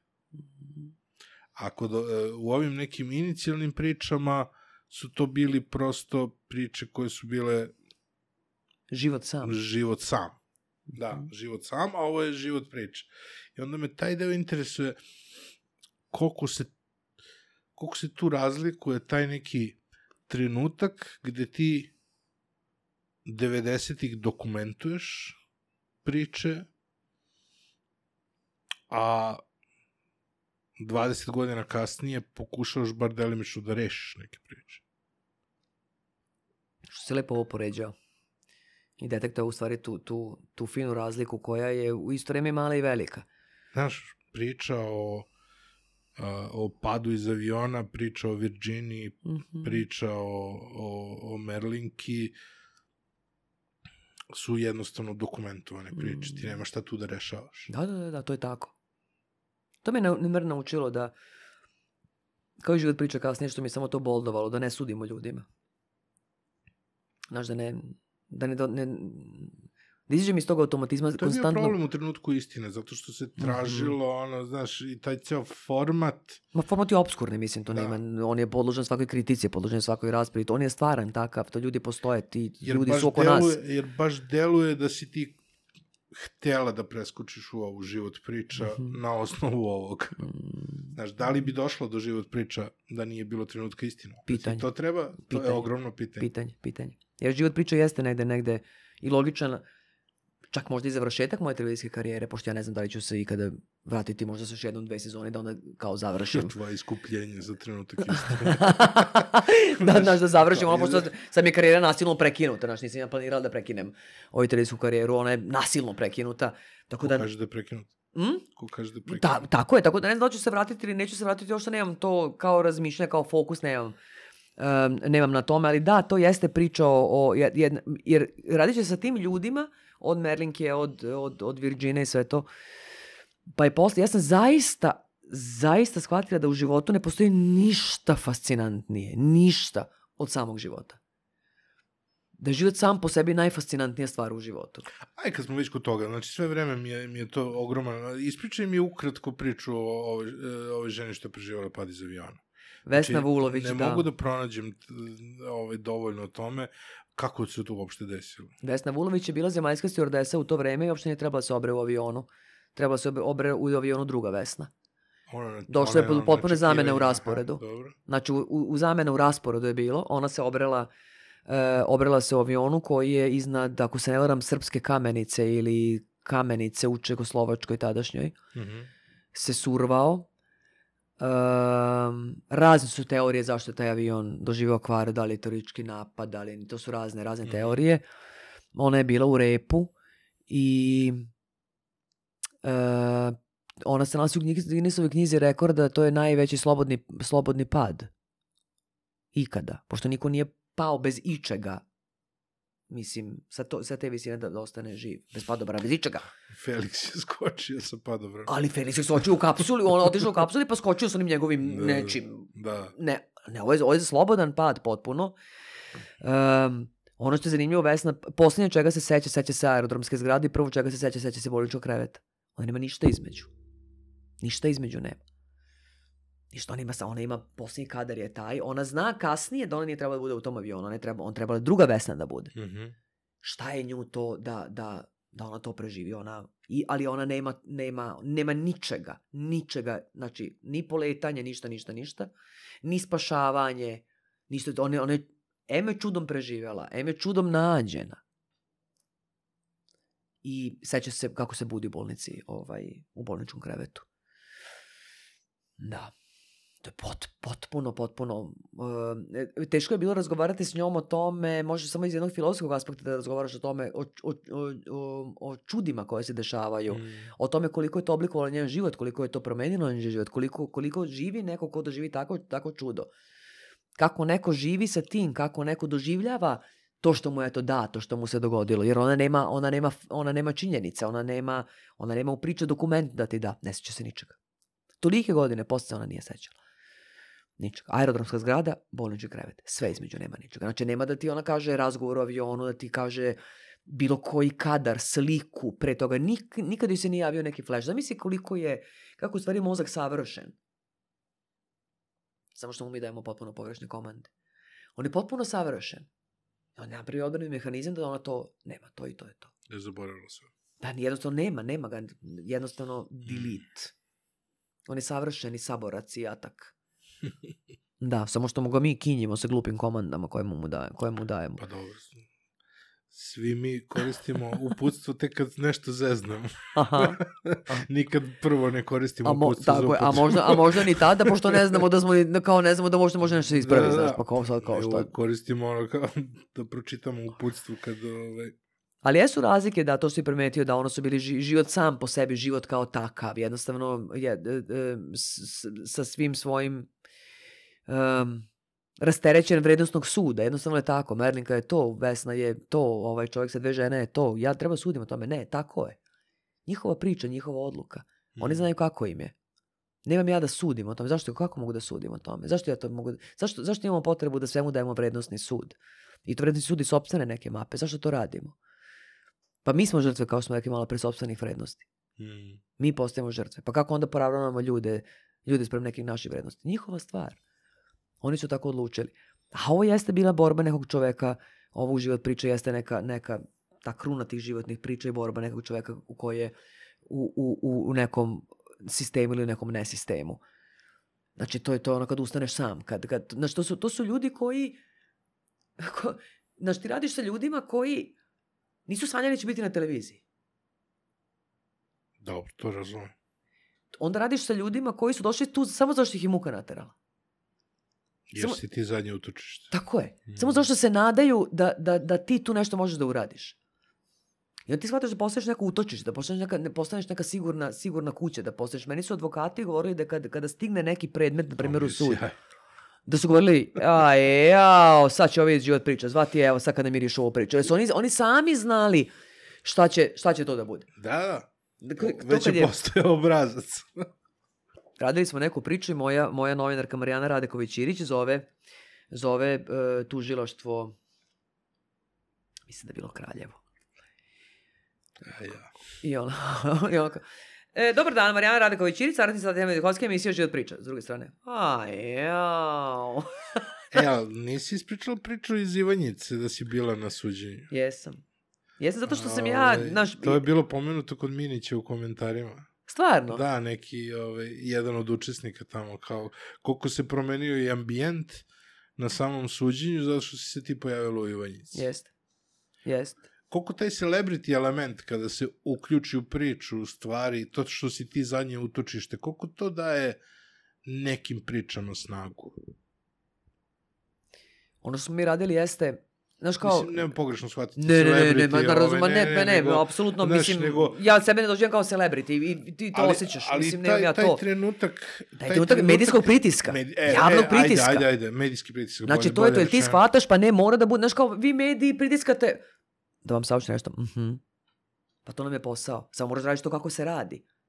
Jer tim ljudima je javnost bila, e, e, vidi, u zemlji koja je razorena, kao što je naša institucionalno razorena zemlja, mi smo institucionalno razorena zemlja, tebi je, tebi je javnost jatak, tebi je javnost saborac. Meni Marija Lukić kaže, ja sam shvatila tog momenta da je meni javnost saborac.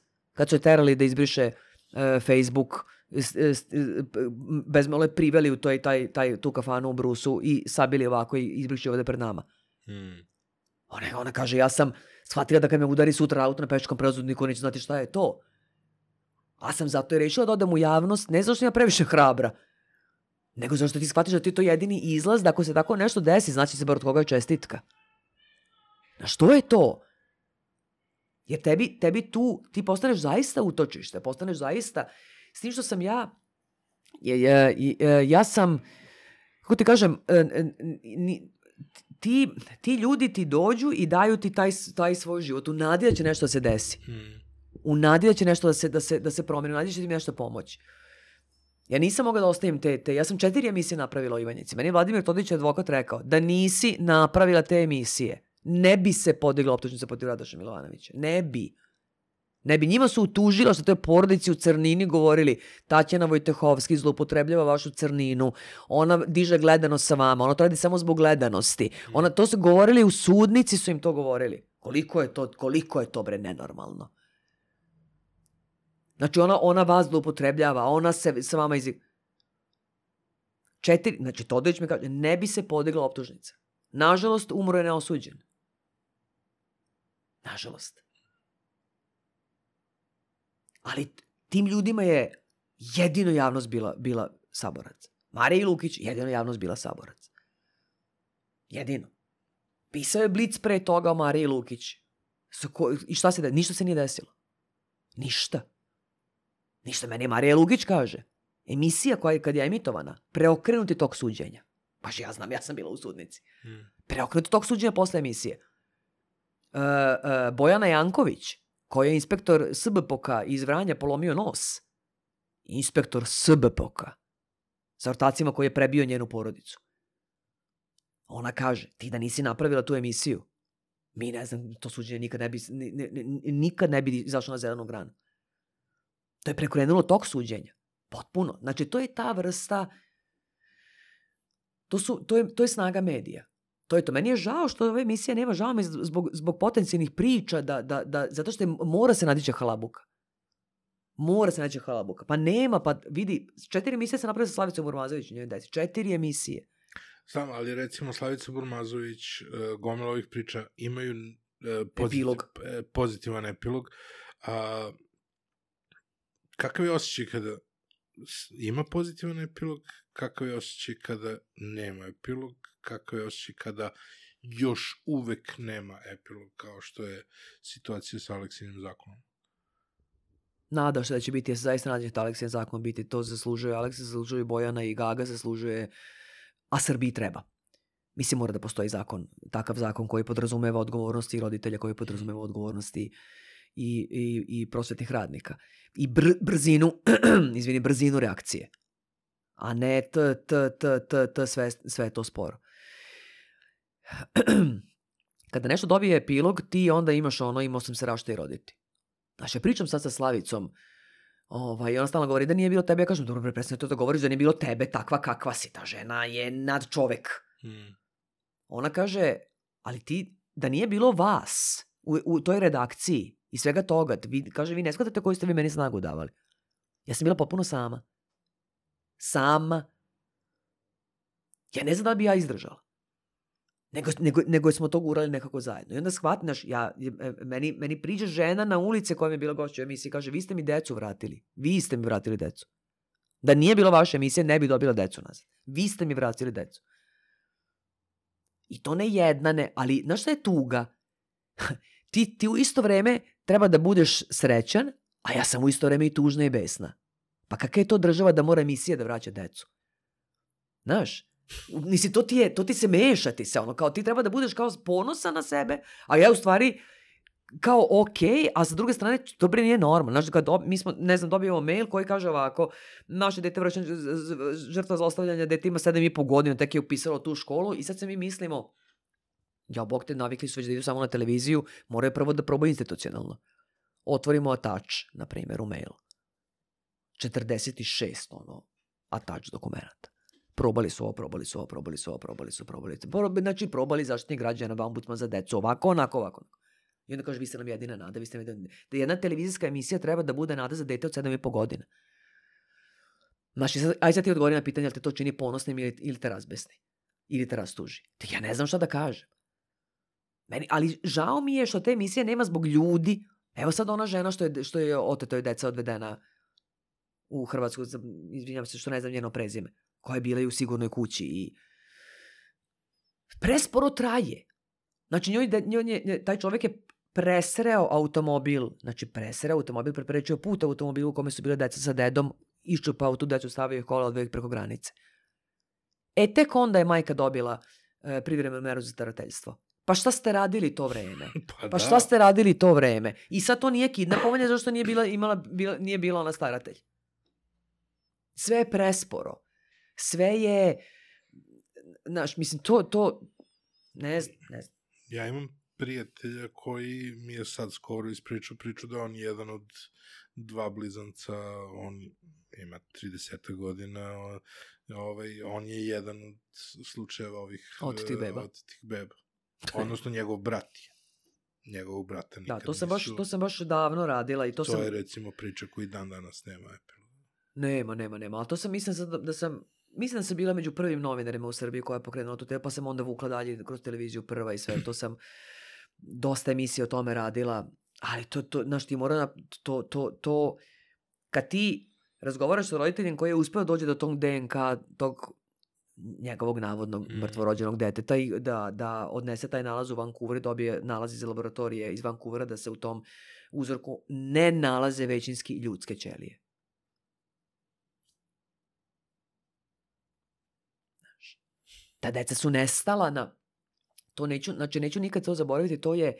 Znači mi smo imali informaciju da postoje zamrznuti fetusi um, u, u Višegradskoj, u nekom zamrzivaču smo imali tu informaciju. I onda, pošto sam znala mnogo tih roditelja, to sam istraživala godinama, oni nama kažu, to su, i to nema šta da stoji tamo u porodi, šta to ima tamo da stoji.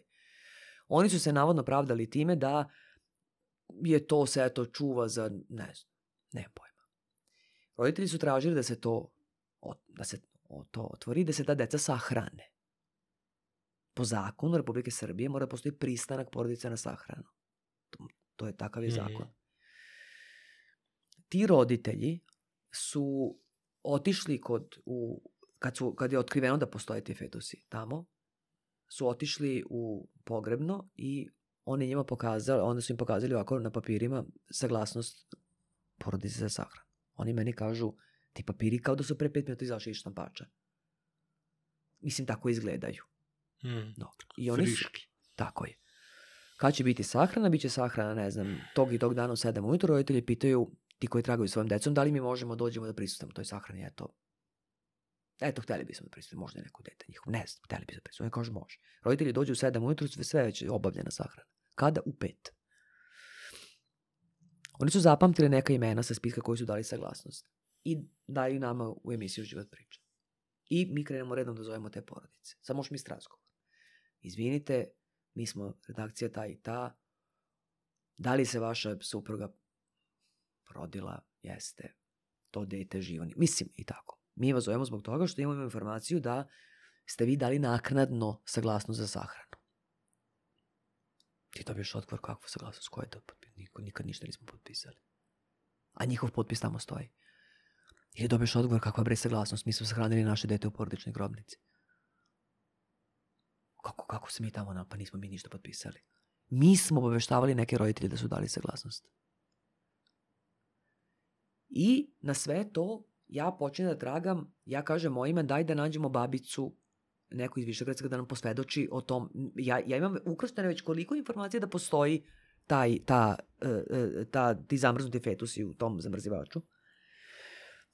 Sahrana jeste obavljena. Ta, ta grobnica masovna za te novorođenča postoji. Ali ja i dalje tražim još dokaza da je neko video te zamrznute ovaj, te fetuse. I tražimo babiću, tražimo, ne, ne, ne može. Ne može, zavet ćutanja, zavet ćutanja, ne može, ne može, ne može i krenemo u snimanje emisije, mada roditelji su bili tamo i videli su potpis, bili su kod tog direktora podgrama, on je podkazao, znaju gde je grobnica, sve, sve to postoji, samo ajde još ovaj prvi korak da nekako, mada je, to je to. I, ovaj, I krenemo u snimanje emisije i žena koja je statista, pošto publici su bili statisti. Dobro. Znači, ja kažem ništa, snimat ću emisiju, ja sam uvijek publici objašnjavala šta je tema emisije, o čemu ćemo da radimo i Mhm. sve to.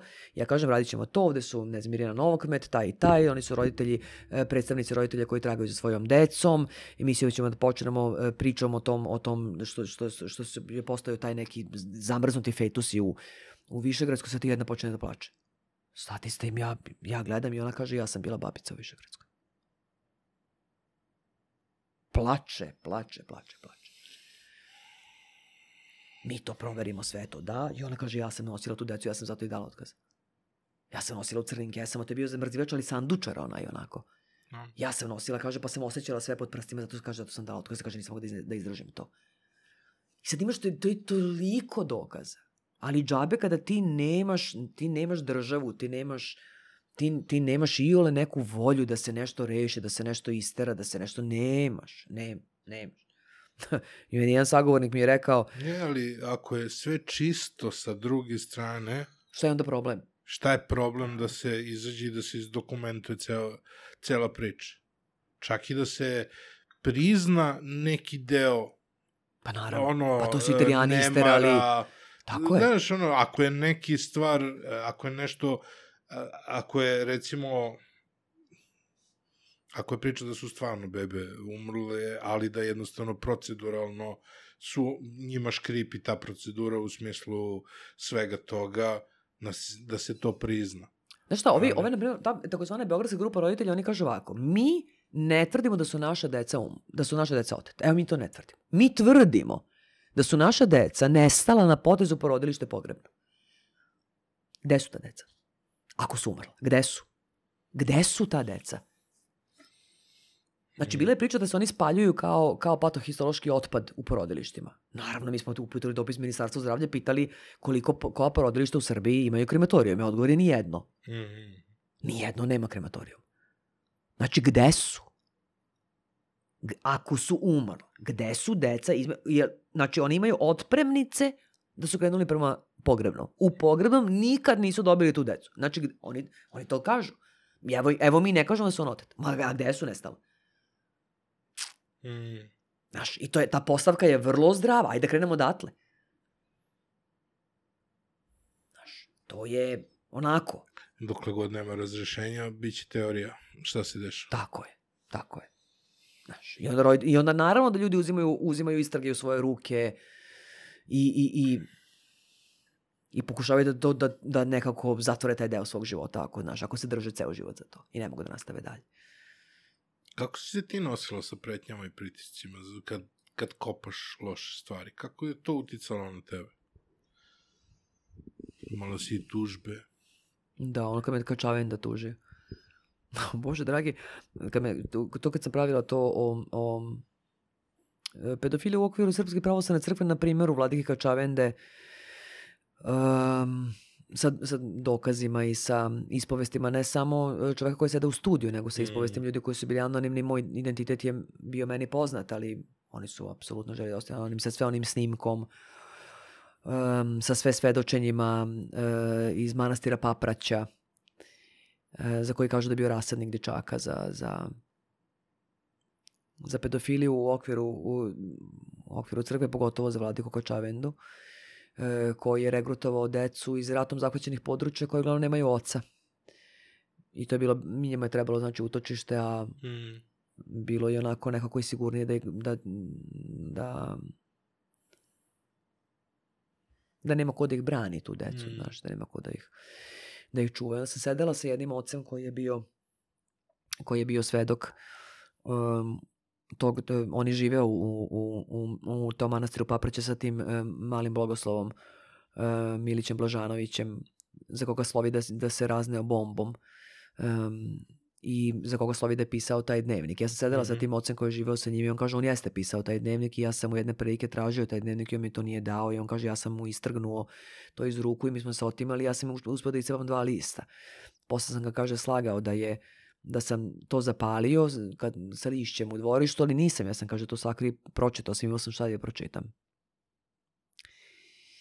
Um, I on kaže ovaj, e, e, da, da, pošto ga je on vozio kod Kačaven, Mm. ima strašnu grižu savesti. I onda je on rekao da će doći e, kod mene u emisiju, mi smo se sve dogovorili, ja sam mu ponudila zaštitu identiteta. on rekao, ne, ne, ne, ja to dugujem Miliću Blažanoviću. Uh, postoji jedan zapis u policiji da, da um, u momentu kad se Milić navodno razna bombom, Mhm. taj mladi iskušenik, bila su, bilo je dvoje ljudi u, u manastiru, Milić i još jedan, on je otac koji je sad pokojni, ali je dao svoj iskaz u, u policiji, da kada je puklo, da oni misle da je zvučni zid, probijeni zvučnog zida, bio je rat pa se Aha, letelo, da je probio zvučnog zida, međutim onda kaže čuje trčanje niz drvene, niz stepenice. Ko je mogao da trči ako su njih dvojica bili, samo u manastiru ovaj već bio raznet. Znači, ko je mogao da trči? Um, neki forenzičari mi kažu da da ovaj da kad se čovjek ubije bombom da ostane e, e, prst na, na onom prstenu. Aha, aha. odnosno da postoji kašika bombe Da, ta ona kašika e ovdje nije bilo kašike nema kašike to kad sam pitala forenzičara da mi to rastumače dakle čovjek koji je e, koji je jedno vrijeme živio sa Milićem Blažanovićem i sve se dogovorila sa njim da, da dođe u emisiju. I, i čak smo se dogovorili tehničke stvari da će doći svojim kolima, mi da platimo gorivo sve to zakazano snimanje, on se nije pojavio. Nikada se više nije javio na telefon. Nikada, nikada, nikada, nikada. Ja sam delove prepričala sa drugim sagovornikom što sam dobila kod njega, od njega kao, kao svedočenje. I e, taj dnevnik od tog Milića Blažanovića postoji. Mhm. Da je on e, pričao šta mu je, šta mu je radio Vladika Kačavenda i ja sam emitovala tu emisiju i onda kako ti to ide, znaš. I posle emitovanja te emisije sam počela da dobijam pretnje i pretnje smrću i tako. I prilazi mi žena jedna. I kaže, ja sam gledala se, kaže, ono, onu emisiju vašu o, o, ovaj, o Vladiki Kačavendi. I ja kažem, pa eto, sad ne znam li žena, ne znam kako će reagovati na to, znaš, otkud znam. Mhm. I ja kažem, pa eto. A ona kaže, to vam je sve istina za onaj dnevnik. Za onog malog Milića.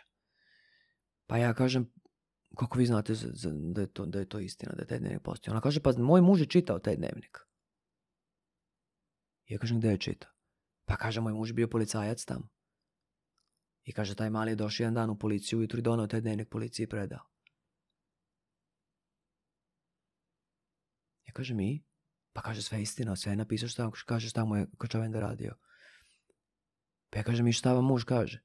Pa kaže, bio izdat nalog za hapšenje Kočavende. Kao treba da se uhapsi na spavanju. Pa je jutro. Pa ja kažem, i šta je onda bilo? Pa kaže, te noći je zahtev povučen. A kaže, dnevnik je završio kod Kočavende.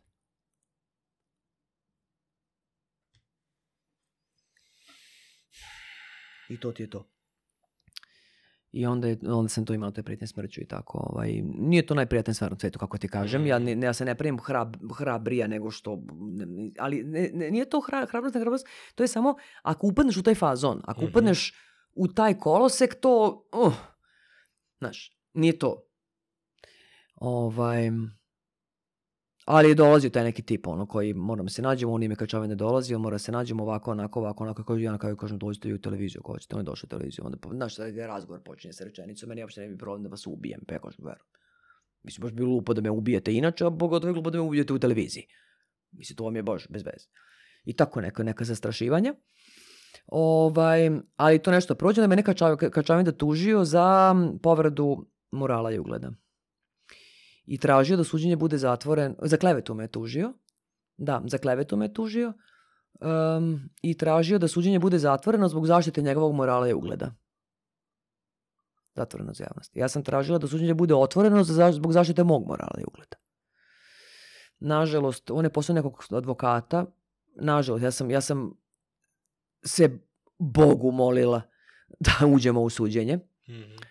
Nažalost, on se nije pojavio, uh, pa se smatrao da je onda odustao, pošto je po krivici. On mora se Aha, pojavi. Da, da, da. Po krivici mora se pojavi, onda se smatrao da, da je on, ovaj, Odustao. aha, da je on odustao. Ali eto, to ti je, znaš, nešto, nešto, to je tužna, tužna sudbina tog malog bogoslova, mladog bogoslova i ko zna, ko zna, ko zna koliko, em, koliko. Danas sam baš gledala, na primjer, da u Danasu sam, e, u Danas je objavio nešto, neka izjava kao Pahomija, kao Vladika Pahomija izjavio nešto, piše u Danas, ja sam mislim kako možete da objavljate ono što je Vladika Pahomija rekao uopšte, zašto taj čovjek uopšte egzistira u javnosti. Ne, mislim, i ne znam, negde sam se nadala da će, da će možda ovaj novi patrijarh um, um, Porfirije, da će imati sluha da se, da se uh, Srpska pravoslavna crkva suoči sa tim i da um, zato što uh, Još uvijek se svi nadaju da tek hvata zalet. pa da, negde se, ne, negde A se ja prvi potezi ne liče, u- da Pa, su u tom pravcu. za sad ne liče, da. Ali ja se negde nadam da će imati snage se suoči zato što, za- zato što je crkva treba da bude utočište za sve. Naravno. I, i, I crkva treba da bude ljubav. I treba da bude vera i Mm. treba da bude ne, ne, ne, neko zajedništvo. Onda bi zaista trebalo se, da se s tim suočiti kao što je radila, ne znam, katolička crkva što je uradila. Moralni kompas. Tako je, tako je, tako je. Tako A- da bi to A negde... onda pitaš kako. Jeste, tako bi to negde bilo interesantno. Poslednji put sam srela ovaj, e, našeg patrijarha kada je bio predsjednik RRA, onda smo se sretali. to je A, zanimljivo zato što onda ja sam išla pred RRA ovaj, i, i onda pošto je, pošto je Porfirije predsjedavao RRA ja ulazim uvek i kažem pomaže Bog. On čovjek sedi u mantiji, a Gordana sluša. A Gordana sluša, joj bre, Tanja pomaže Bog. Ja kažem, pa dobro be, Goco, znači čovjek sedi u mantiji, sedi u mantiji, ja do, pomaže Bog, dobar dan. a Goco, hej, šta govoriš pomaže, pa šta da kažem? Svakom ono što, što ide. Um, reci mi, uh, u život priče je bila priča i o redkim lekovima, je li tako? A ti si Kojim retkim lakama? Onom dečku što je... Ovaj, Jao, Nenad! Da, da, da. Jao, Nenad, I divni vi ste dedi. imali tu priču, a ti si jako dugo uh, bila u uh, Budi Human fondaciji Mhm. i prošle, znači bukvalno pretprošla epizoda sada, uh, sam imao razgovor sa Milošem o donacijama u Srbiji, gde je bukvalno više od 50% donacija ove godine, odnosno prethodne 2021. bilo kroz Budi Human više od 50% na nivou cele Srbije, znači potpuno smo svi počeli se lečimo SMS-ovima, tako da... Kako je to, kako je to, na, na, u- e, sad, e sad vidiš to, to isto vreme je ono, živeće ovaj narod. Da, da. Kao to je to, a u isto vreme, I čemu? daj bre, jel, jel, Da li je realno? jel, jel, da li je realno? Da li, da li možemo da, da nemamo, da li možemo da nemamo gondolu? Ili da, da, znaš, on- ili da nemamo, ne znam, da, da, da, da nemamo nacionalni futbolski stadion, pošto evo sad je bilo koliko, 10.000 ljudi je bilo, koliko, 5.000 ljudi je bilo na stadionu. Kad je bila naša reprezentacija. Mislim, jel možemo da nemamo to, a da, da ovo, kao da nekako ovo napravimo drugačije. To, to je ono, u isto vreme kao ljudi su super, a u isto vreme kao daj više ne, ne, ne, ne možemo ako da živimo. A, šta se desilo sa, sa tvojom pozicijom u Budi Human? E, nemam pojma, zato što ja sam bila tamo od osnivanja, ovaj, u, u, tu ono, kako doprineseš koliko možeš. Hmm. Ovaj, doprineseš i... Pa vidio e, sam da stalno, ono, se cimaš oko toga, stalno, gde god je neka akcija, ti si Pa- uvijek u fazonu deljenja i...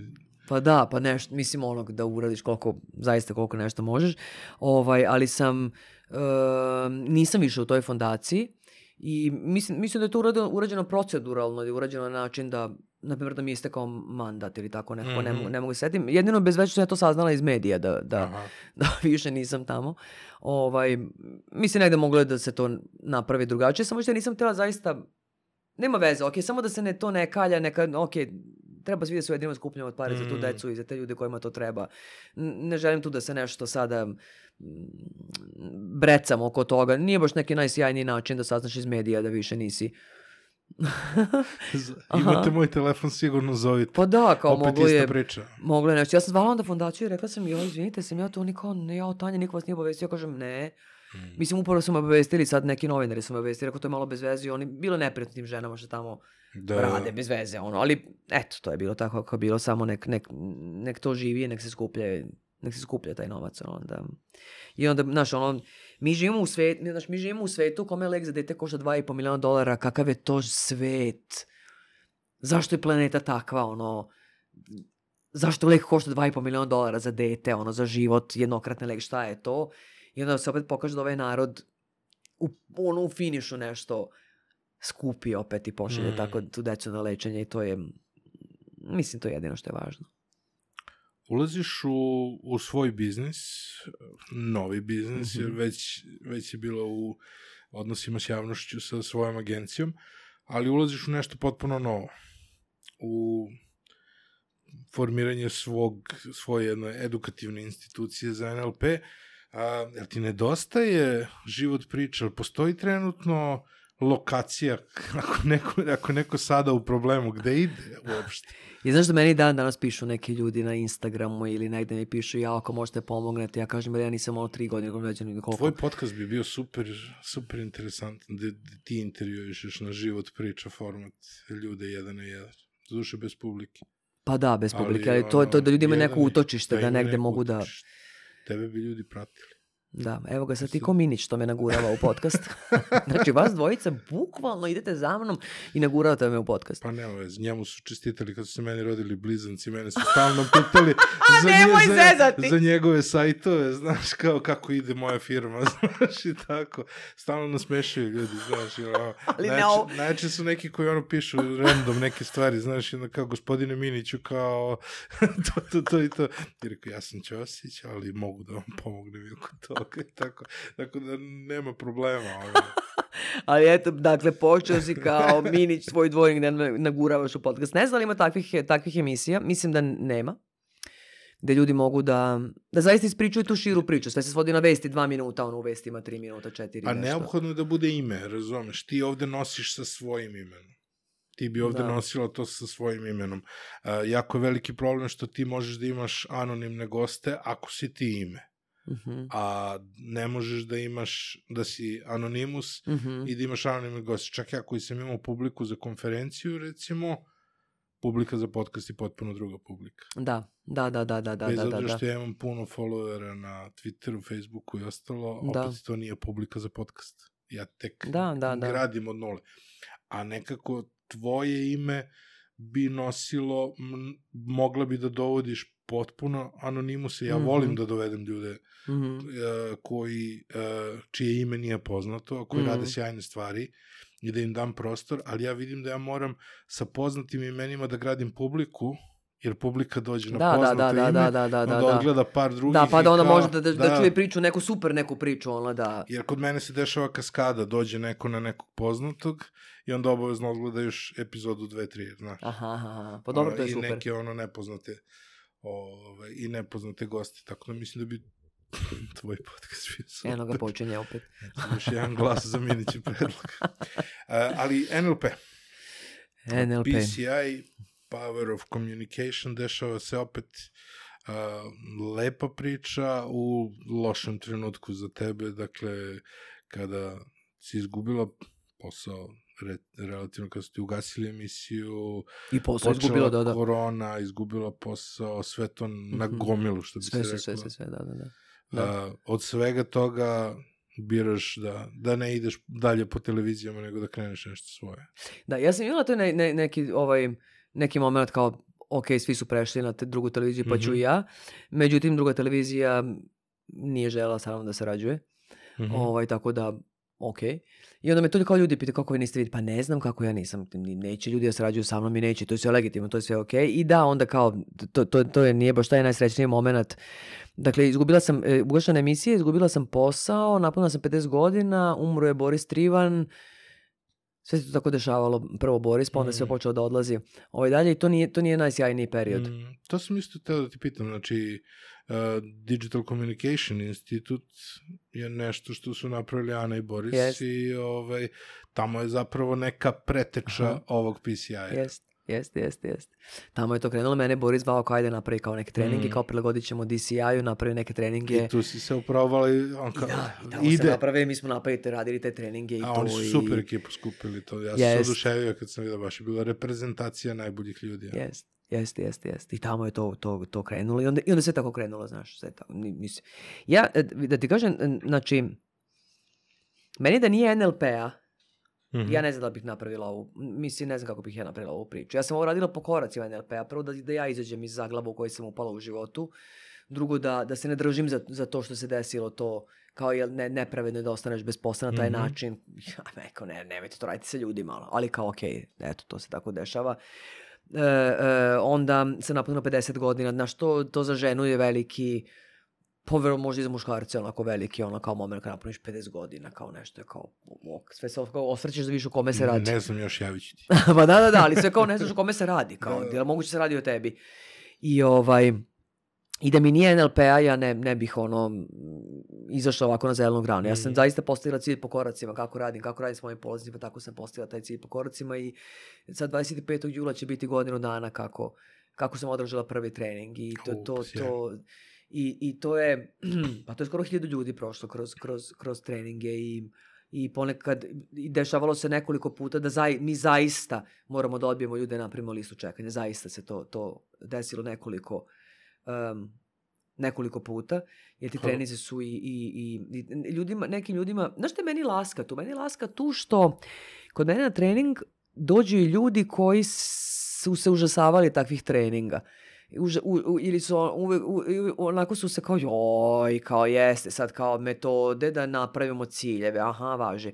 Koji su imali lo, loš, koji su imali predrasude na NLP-u, koji su imali loše iskustva sa NLP-om, koji su imali um, loše mišljenje uh, o, o, o, o takvim vrstama treninga. Ovaj, I to me posebno drago, zato što ja imam nekoliko pravila na treningu. Prvo, e, to dovoljno mislite pozitivno je verbalni delikt, ne može. E, drugo, osmehom ćete prebrojiti sve i nećete. Znači, to je glupo, to nemojte da radite. E, treće, kada naučite NLP, više se nikada nećete svađati sa nekim netačno. To ne služi za to. Mm. E, četvrto, e, problemi nisu problemi, nego su izazovi. Ne, problemi su problemi. I stvari ćemo nazivati pravim imenima. Mm. Izazov može da bude da mi izađemo iz toga, ali problem je problem. I, Nemoj me izazivati. pa nemoj me... Hvala za ovo, da, da. Ako bukvalno nemoj mi izazivati kao problem to. je problem, nemoj me Pa da, izazivati. e, i kao ako naučite NLP, više, e, e, više nikada nećete imati e, probleme u životu. Ne. Znači, ne, ništa od svega toga, ne. Ali zaista može se napraviti život, da postigneš u životu ono što možeš da postigneš. Zaista, znači svako može da nauči da postavlja cilj kako treba da se ostvari cilj, zaista da ide po koracima. I zaista može da se nauči da... Jer zašto, mi, zašto ljudi ne ostvaruju ciljeve? Pa zato što ne rade na ostvarenju ciljeva. Mislim, stvari su stvarno jednostavne. Ljudi ne ostvaruju ciljeve zato što ne rade na ostvarenju ciljeva. Međutim, prva stvar je ljudi ne znaju da postave cilj. Ne znaju, ne znaju... Ne da postave cilj, čak ne znaju ni šta žele. Znaju šta žele, ne znaju to da formulišu na način kako je mozgu potrebno da se formuliše, pošto je mozgu zaista potrebno, mozgu nisu potrebne pozitivne misli, uopšte. Potrebne su mu jasne misli. Mm. Kada mu daš jasne misli, on savršeno funkcioniše. Savršeno, zato što hoće jasnu misao. Kada je jasno zašto da radi, kada ne zna, on juri za bilo kojim napretkom, za bilo kojim boljitkom. I od toga su ljudi umorni. Ljudi su umorni od ju- jurnjave za bilo kakvim napretkom. Nema bilo kakav napredak. Tačno koji, tačno koji sferi, tačno kada, tačno koliko. I to se uči. To je dakle metod koji se uči. I ako možda nauči jedan, može svako da nauči. To nije, to nije stvar nadnaradnih sposobnosti, Mm. svi mogu da nauče. I, i i kada naučimo da postavimo taj cilj, e onda kao treba da radimo na njemu, zašto ljudi ne rade na, na ciljevima, zato što nemaju dovoljno motivacije, zašto nemaju motivacije, zašto nemaju fokus, zašto nemaju fokus, zašto ispred dobrog stanja. Sve je povezano. I sve je povezano. I onda ja što najviše radim sa ljudima jeste da ih naučim kako da ostanu u dobrom stanju i se vrate u dobro stanje kada iz njega ispadnu. Kako? I onda sam ja ustanovila, kad sam ja učila NLP nekad, ustanovila sam kada mi radimo vežbe, za, kad postoji vežba, tehnika za dobro stanje, onda sam ustavila da ljudi ne mogu da rade vežbe za dobro stanje ukoliko nisu šta u dobrom stanju. Znači prvo moraju biti u dobrom stanju da nauče vežbu za dobro stanje. Mm. Dakle, dizajnirala sam treninge zaista na način da, da ti to možeš da uradiš. Da možda postigneš napredak mnogo brže nego što, što, što ljudi mogu da očekuju i da se to zaista može naučiti, ali ne u sad neki, ne, neka snaga volje, neki gu- guru momenti, ništa od svega toga. Ništa, ej, znači čovječe imamo softver, samo dam ti tehniku kako to da koristiš. Ako radiš, nema šanse da izostane uspeh. Znači, zaista nema šanse. E, tako sam napravila institut. Ja kažem mojim polaznicima, vi meni niste iznenađenje. Mm. Mislim, sve sam vas videla. E, ne, ne iz smisla nadnaradnih sposobnosti. Ja sam vrlo znala tačno šta radim. Ja sam vrlo znala po koracima kako idem, kako idem po tome. I, I isto tako sam ispadala iz motivacije, ja znam kako da se vratim. Jer ti kada cilj postaviš tačno kako, tačan cilj kada postaviš, kada znaš, znači, s tim što se uči da se tačno postavi, kada ukačiš tačan cilj, ti imaš zašto da se uhvatiš.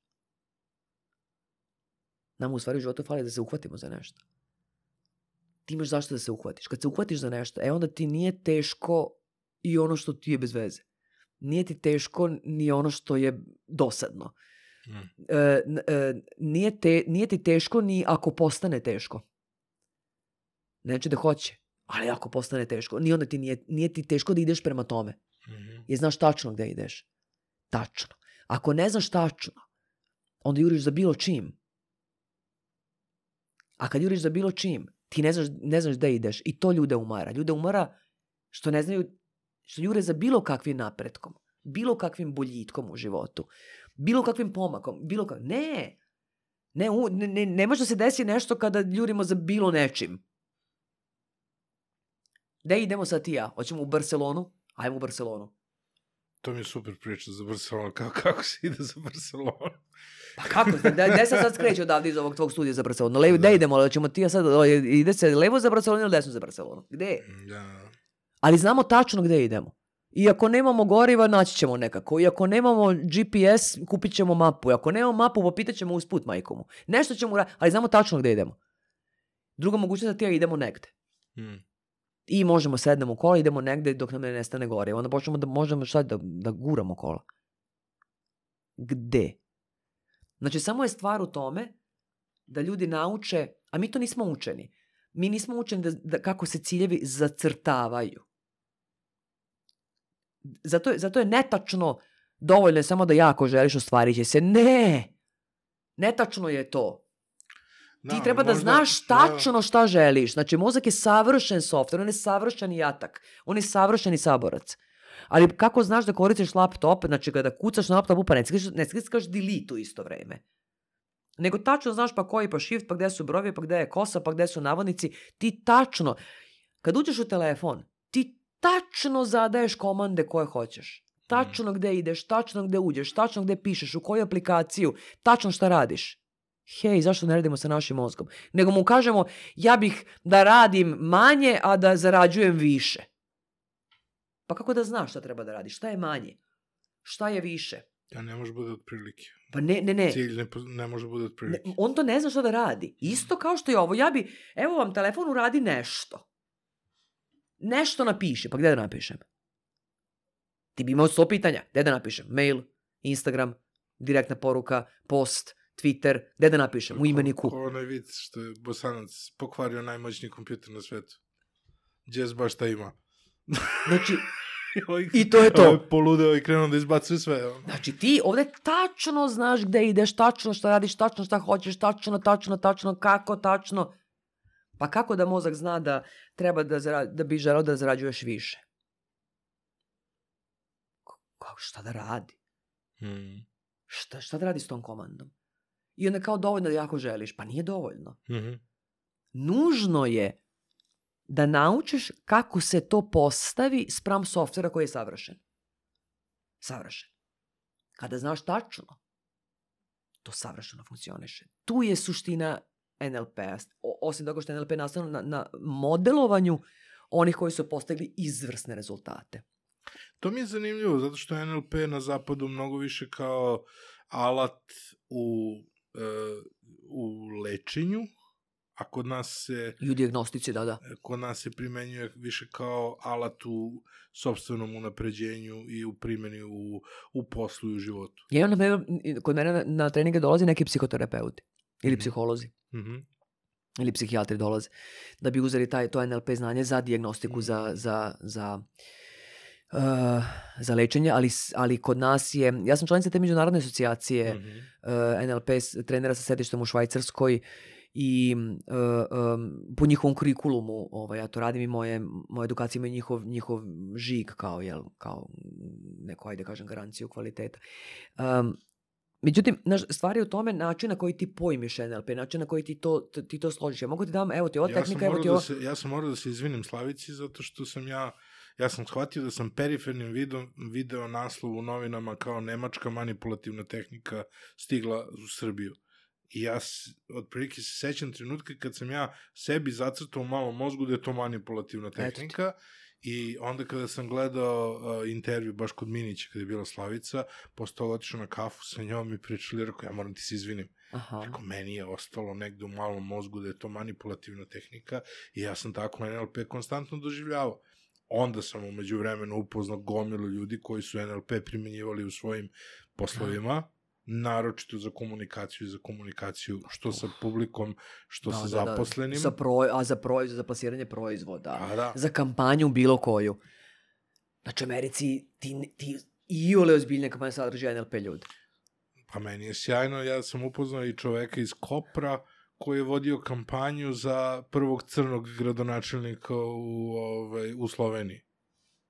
NLP čovjek. Pa da, da, da. Znaš? A Obaminu kampanju su radili NLP ljudi. Prvo.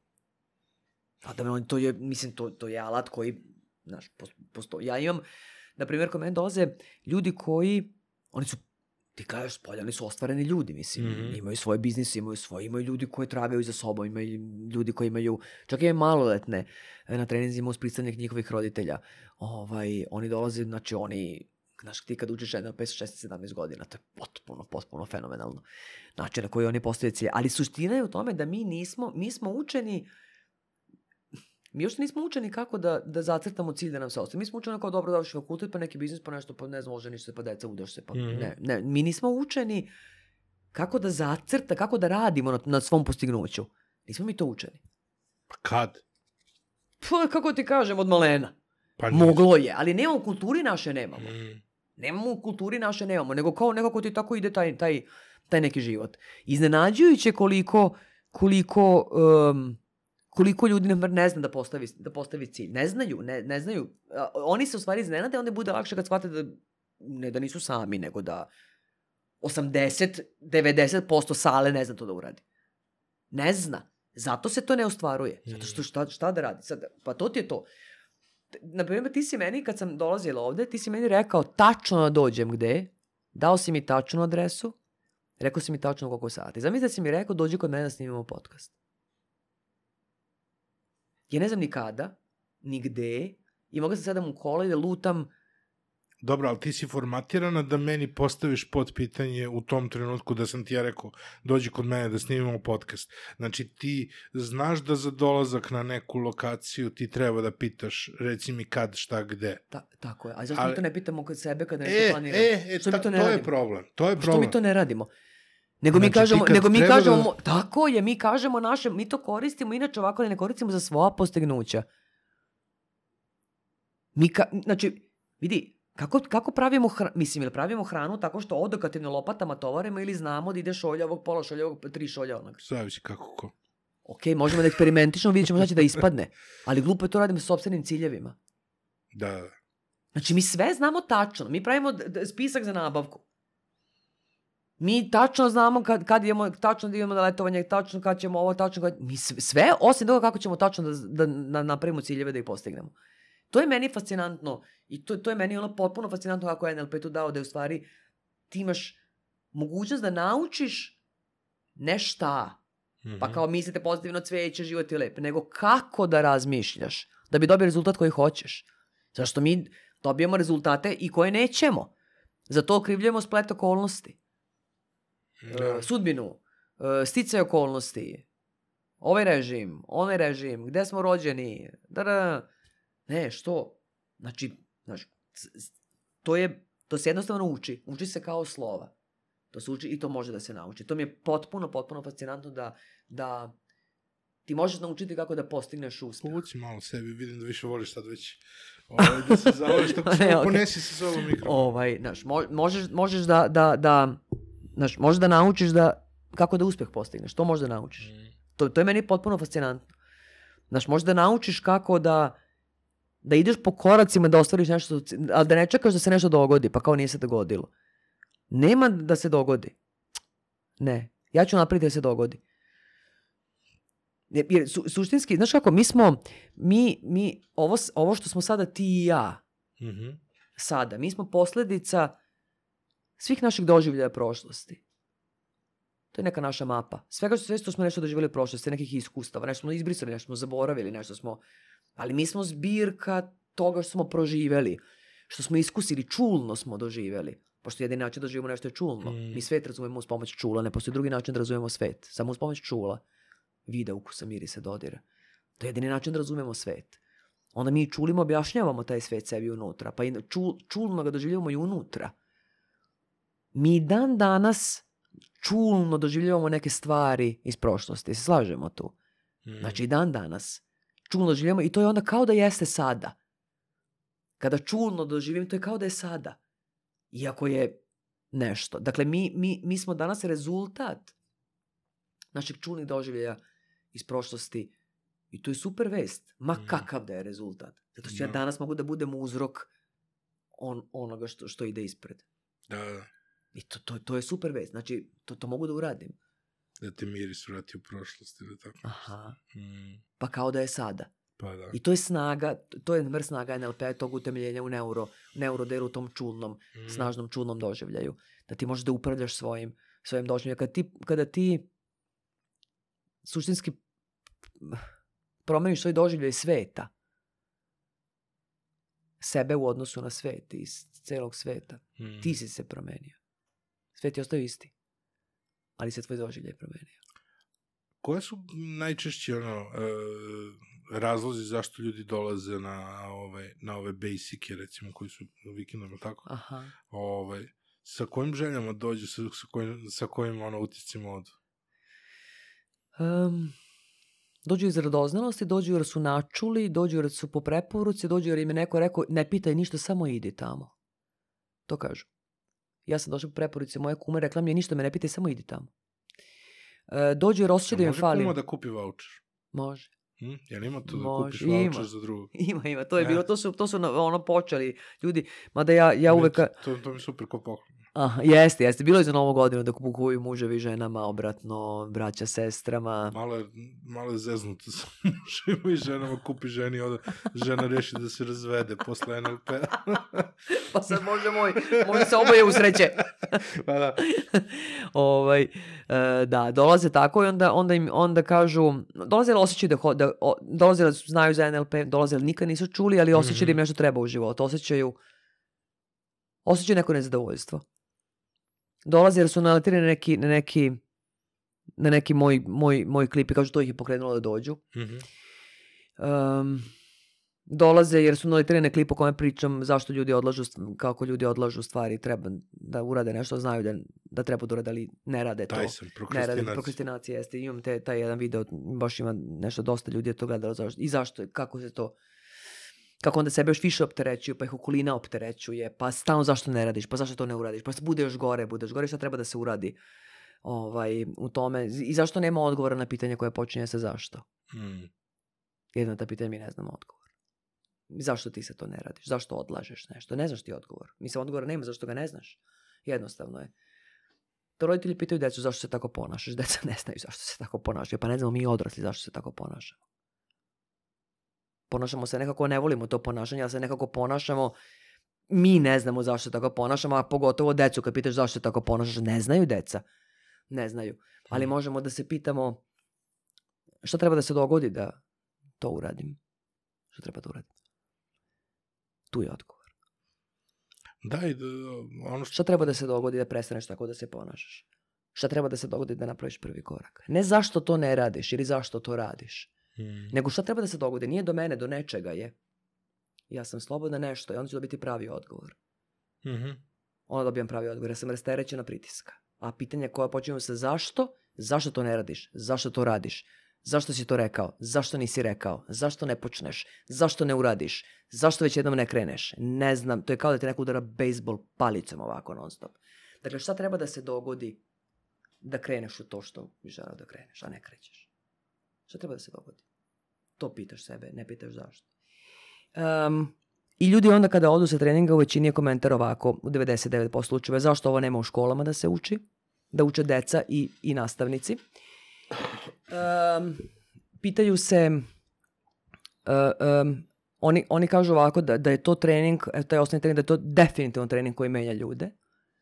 Definitivno. Mhm. Da dosta njih kaže da su u subotu u 9.15 ušli u prostor kao jedna osoba ili online, a da su u nedelju u 6.15 popodne izašli kao druga osoba. I da im je to neko rekao da bi rekli, mo, važi, kao, okej, nema šanse. Jel taj efekt ostaje? Kako ne? To je glavno pitanje. Znaš, jedan je osjećaj u ponedeljak, a drugi je osjećaj za šest meseci. Kako ne? Ali to, taj posle efekt... tog basica, znaš, da li taj efekt Kako ne? ostaje trajno, Da, znaš? kako? I, a, a ako ti, vidi, ako ti da minimalno uradiš nešto, nešto da uradiš još van, van možda upišeš sledeći nivo edukacije, pa, Mm. ali ako minimalno radiš nešto, jedna žena mi je rekla, pred, prošli basic, posle basica mi je rekla, um, Pazi, to je trening koji je basic i traje dva dana. Ona, ona, mi, ona je na, pred, u celoj sali digla ruku i rekla je ovako, da vam kaže jednu stvar. Mhm. Uh, ja da sam milion eura platila ovaj vikend. Milion eura. Vredeo bi. Jer sam ja shvatila da ja 14 godina zlostavljam svoje rođeno dete. Potpuno nesvesno. Potpuno nesvesno zlostavljam svoje rođeno dete jer ga teram da me gleda u oči kad razgovara sa mnom. Sa najboljim namerom. Sa najboljom namerom zato što je svet misli da je pristojno gledati se u oči i da ljudi koji gledaju dole, da nešto kriju, da lažu, da su nesigurni, da su metiljavi, da su loši karakteri, da su tutumraci, da su ne znam nija šta. A stvari samo, e, samo mozgovnog jezika koji, koji čini da neurologiju Mhm. takvom da ljudi imaju probleme sa uspostavljanjem kontakta e, očima i oni, oni, oni jadni su navikli da, kao da ih svi teraju i onda oni kada pogledaju ovako, oni više ništa ne čuju. I ne mogu da razmišljaju uopšte. I to je odgovor na pitanje zašto ti ispitaš dete kod kuće, sve zna, sve je super naučio, dođe sutra šta se dobio dva. Jer kada on gleda ovako dole i kako kaže nastavnik digne pogled na tablu, ako pogled više ništa ne zna. I žena ustane i kaže, ja da sam milion eura platila ovaj trening, ja sam zlostavljala rođeno dete. Ja sam vidio neke consulting programe koji su ono i tako neke kreativne, idejne i ostalo, da imaju pay as you wish model. Mm Da imaju varijantu kao plati koliko ti ovo značilo. Jest, jest, Dakle, to, jest. je, to je super fora. Ovaj, tako da možda bi... Jeste, evo žena kaže ja, znači, Dala bi... ono kao sam iz radoznalosti, došla sam ono kao da nešto naučim, da se kaže ovo, rođeno dete, pa koliko to vredi? Mm. A za koga su professional i pred, edukator, kako se zove ovaj, Master posle. master? Um, oni traju po 8 meseci, jedan vikend mesečno. Mm -hmm. I ljudi uh, u, upisuju zato što osete, oni, oni, oni osete osnovu na basicu. Mm -hmm. Ja naravno deci onako detaljno objasnim šta se radi na Na primjer, na prvom narodnom stepenu edukacije jedan ceo vikend se radi na ograničavajućim uverenjima. Mm -hmm. Moramo da otklonimo ta ograničavajuća uverenja, Mm. da ne prave prepreke. Onda jedan ceo vikend se radi na sobstvenim vrednostima, da vidimo koje su, gde su. Onda ceo vikend radimo na postavljanju ciljeva. Radit ćemo ceo vikend na postavljanju ciljeva. Sve zajedno radimo na tome kako da napravim svoje dobro stanje da bi napravila, fo, da mogu da održim fokus, da kada održim fokus onda imam motivaciju. Mm. I sve je to povezano. I sve je to povezano. Tad sam imala sertifikaciju te, te, te prve praktičarske uh, grupe. To šta su ljudi postigli za, za, za to vreme, pa to je, ja evo sad se naježem. Od ciljeva, od, i, i, i ta, te mailove koje dobijam posle. Mm -hmm. Znači, od jedna žena koja radi u, u, u, u ministarstvu, koja je došla sama platila sebi trening.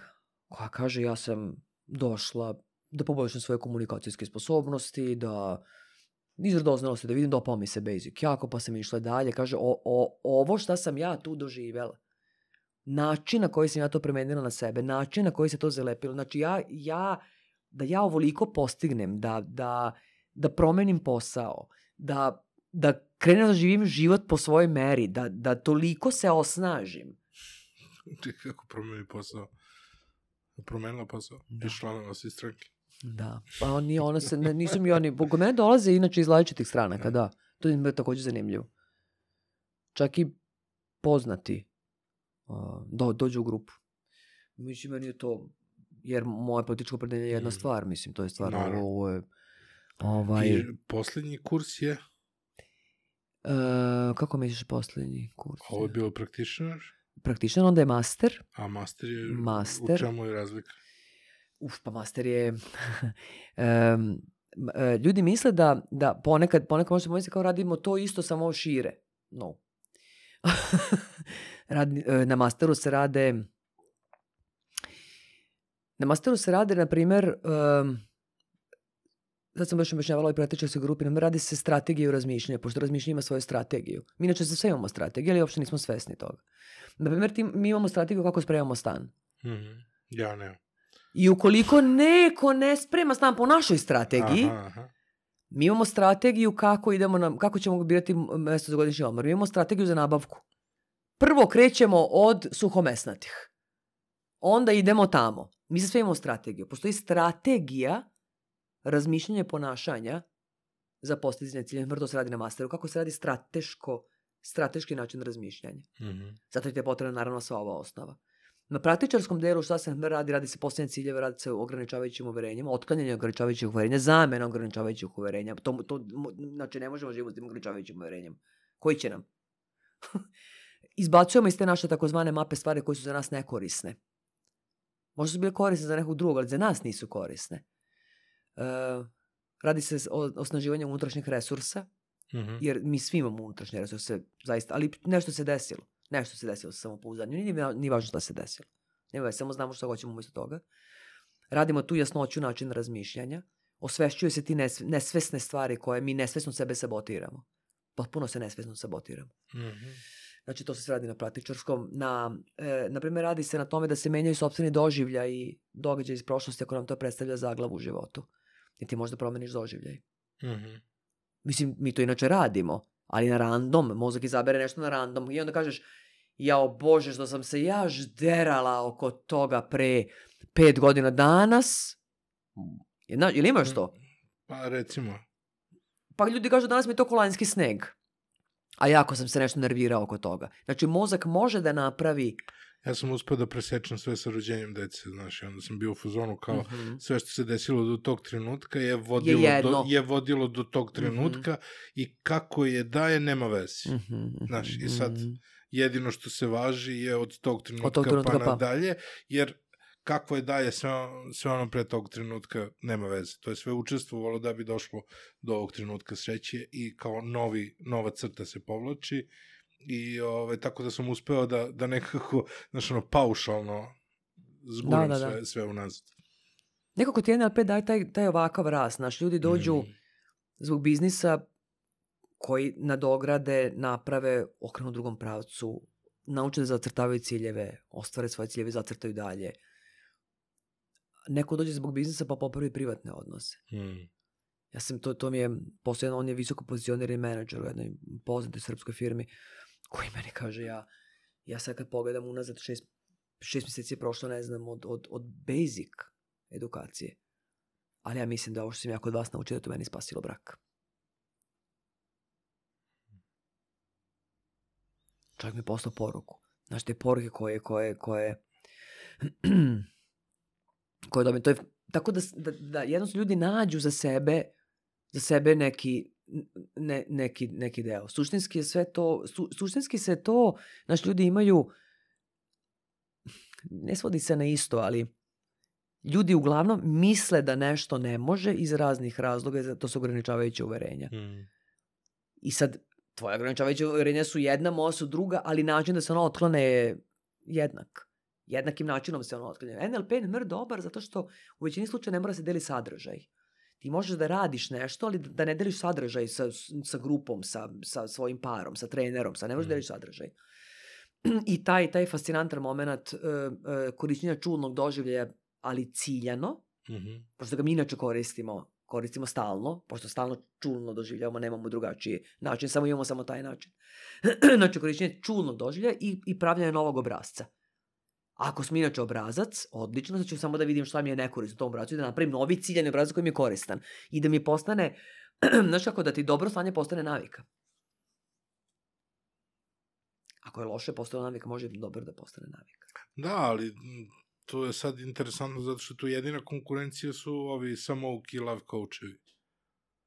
I onda oni prave prevelik šum u svemu i prave te pogrešne postavke sa... Pa to kao Istina. Pa to kao uh, Sa dobro jutro lepotice sa- i kao mi se te potneve i sve to da. Zato ti kažem da sam ja ponosna na to što kod mene dolaze ljudi koji su se bljuvali na takve vrste treninga.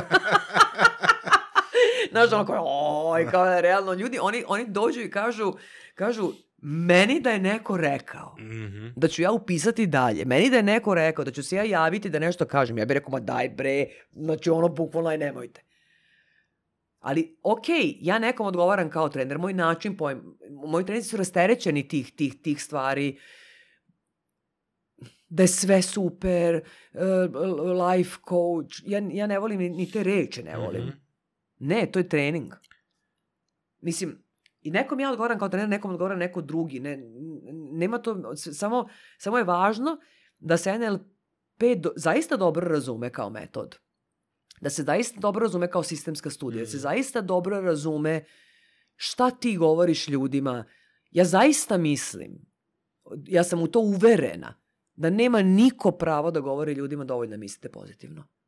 Ja, ja, ja, ja stvarno to mislim da to nema niko pravo da govori ljudima, zato što je to, nemojte to da radite sa ljudima. Nemate to pravo. Da, da. Znaš, nije, ja zaista mislim da, ljud, da neko nema pravo da da, da ni podaštava ljudske osjećanja. Znaš, nije to, to, što neko, to što neko ne može nešto da uradi i što misli da ne može, to nije to nije da čovjek samo kaže u jezičkom bracu ja to ne mogu. To nije, e, to nije misaona činjenica. To je emocionalna činjenica. Aha. Ne može, nema niko pravo da govori ljudima da su izabrali da budu neuspešni. Pa ne može to, pa ne može to neko da govori ljudima. Pa kao, pa kao izabrali ste da budete i nesrećni. Izabrali ste da budete nezadovoljni. Kao možete da izaberete da budete zadovoljni, kao vi ste izabrali da budete nezadovoljni. Pa ja, ja, ja se, kao što prećeš, čak se malo i unervozim od, od, od toga. Ne može, to, to nije NLP.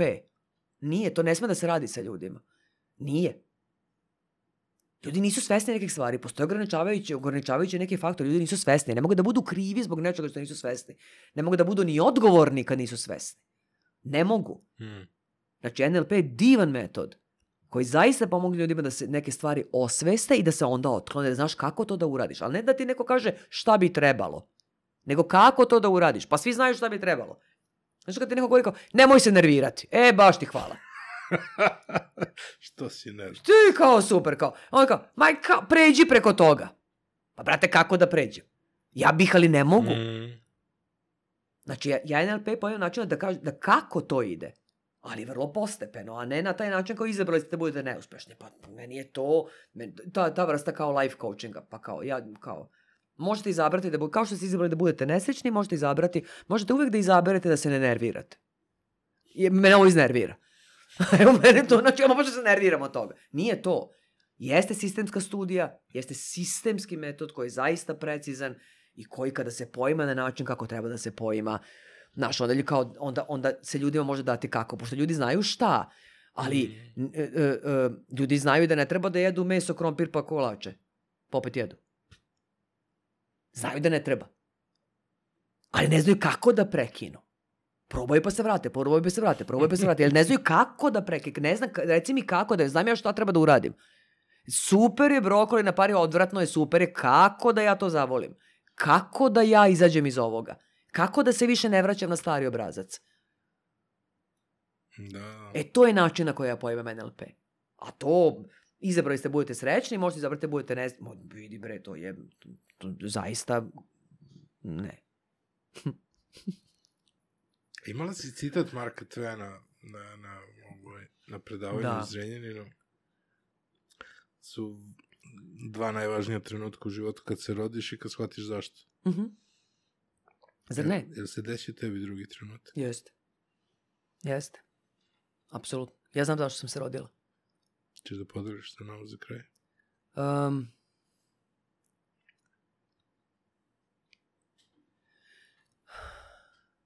ako jednoj osobi na planeti pomogneš da promeni svoj život, samo jednoj, onda si se imao ra- zašto je roditi.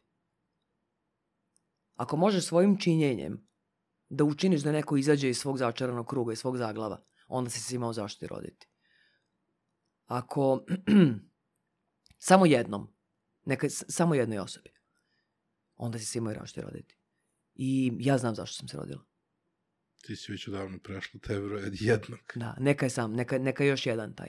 Ja, ja znam zašto sam se rodila. Eto zato. Mislim, znaš, kad, kad dobiješ, to su privatna poruka i privatna pisma, kad dobiješ sa kakvim problemima su ljudi došli. Misle da ne mogu da reše, nego da poprave nešto drugo, ali da ne mogu da reše. Mm. Znaš, on, on, ok, to je to. Hvala ti puno. Hvala tebi.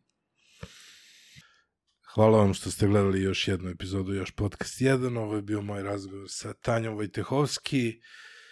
Svaka čast ako ste izdržali do sada, ako ste izdržali do kraja. Ostavite nam neki share, like, subscribe, valjda smo zaslužili. Preporučite nas prijateljima. Uh, pogledajte sve linkove do PCI instituta u opisu podcasta.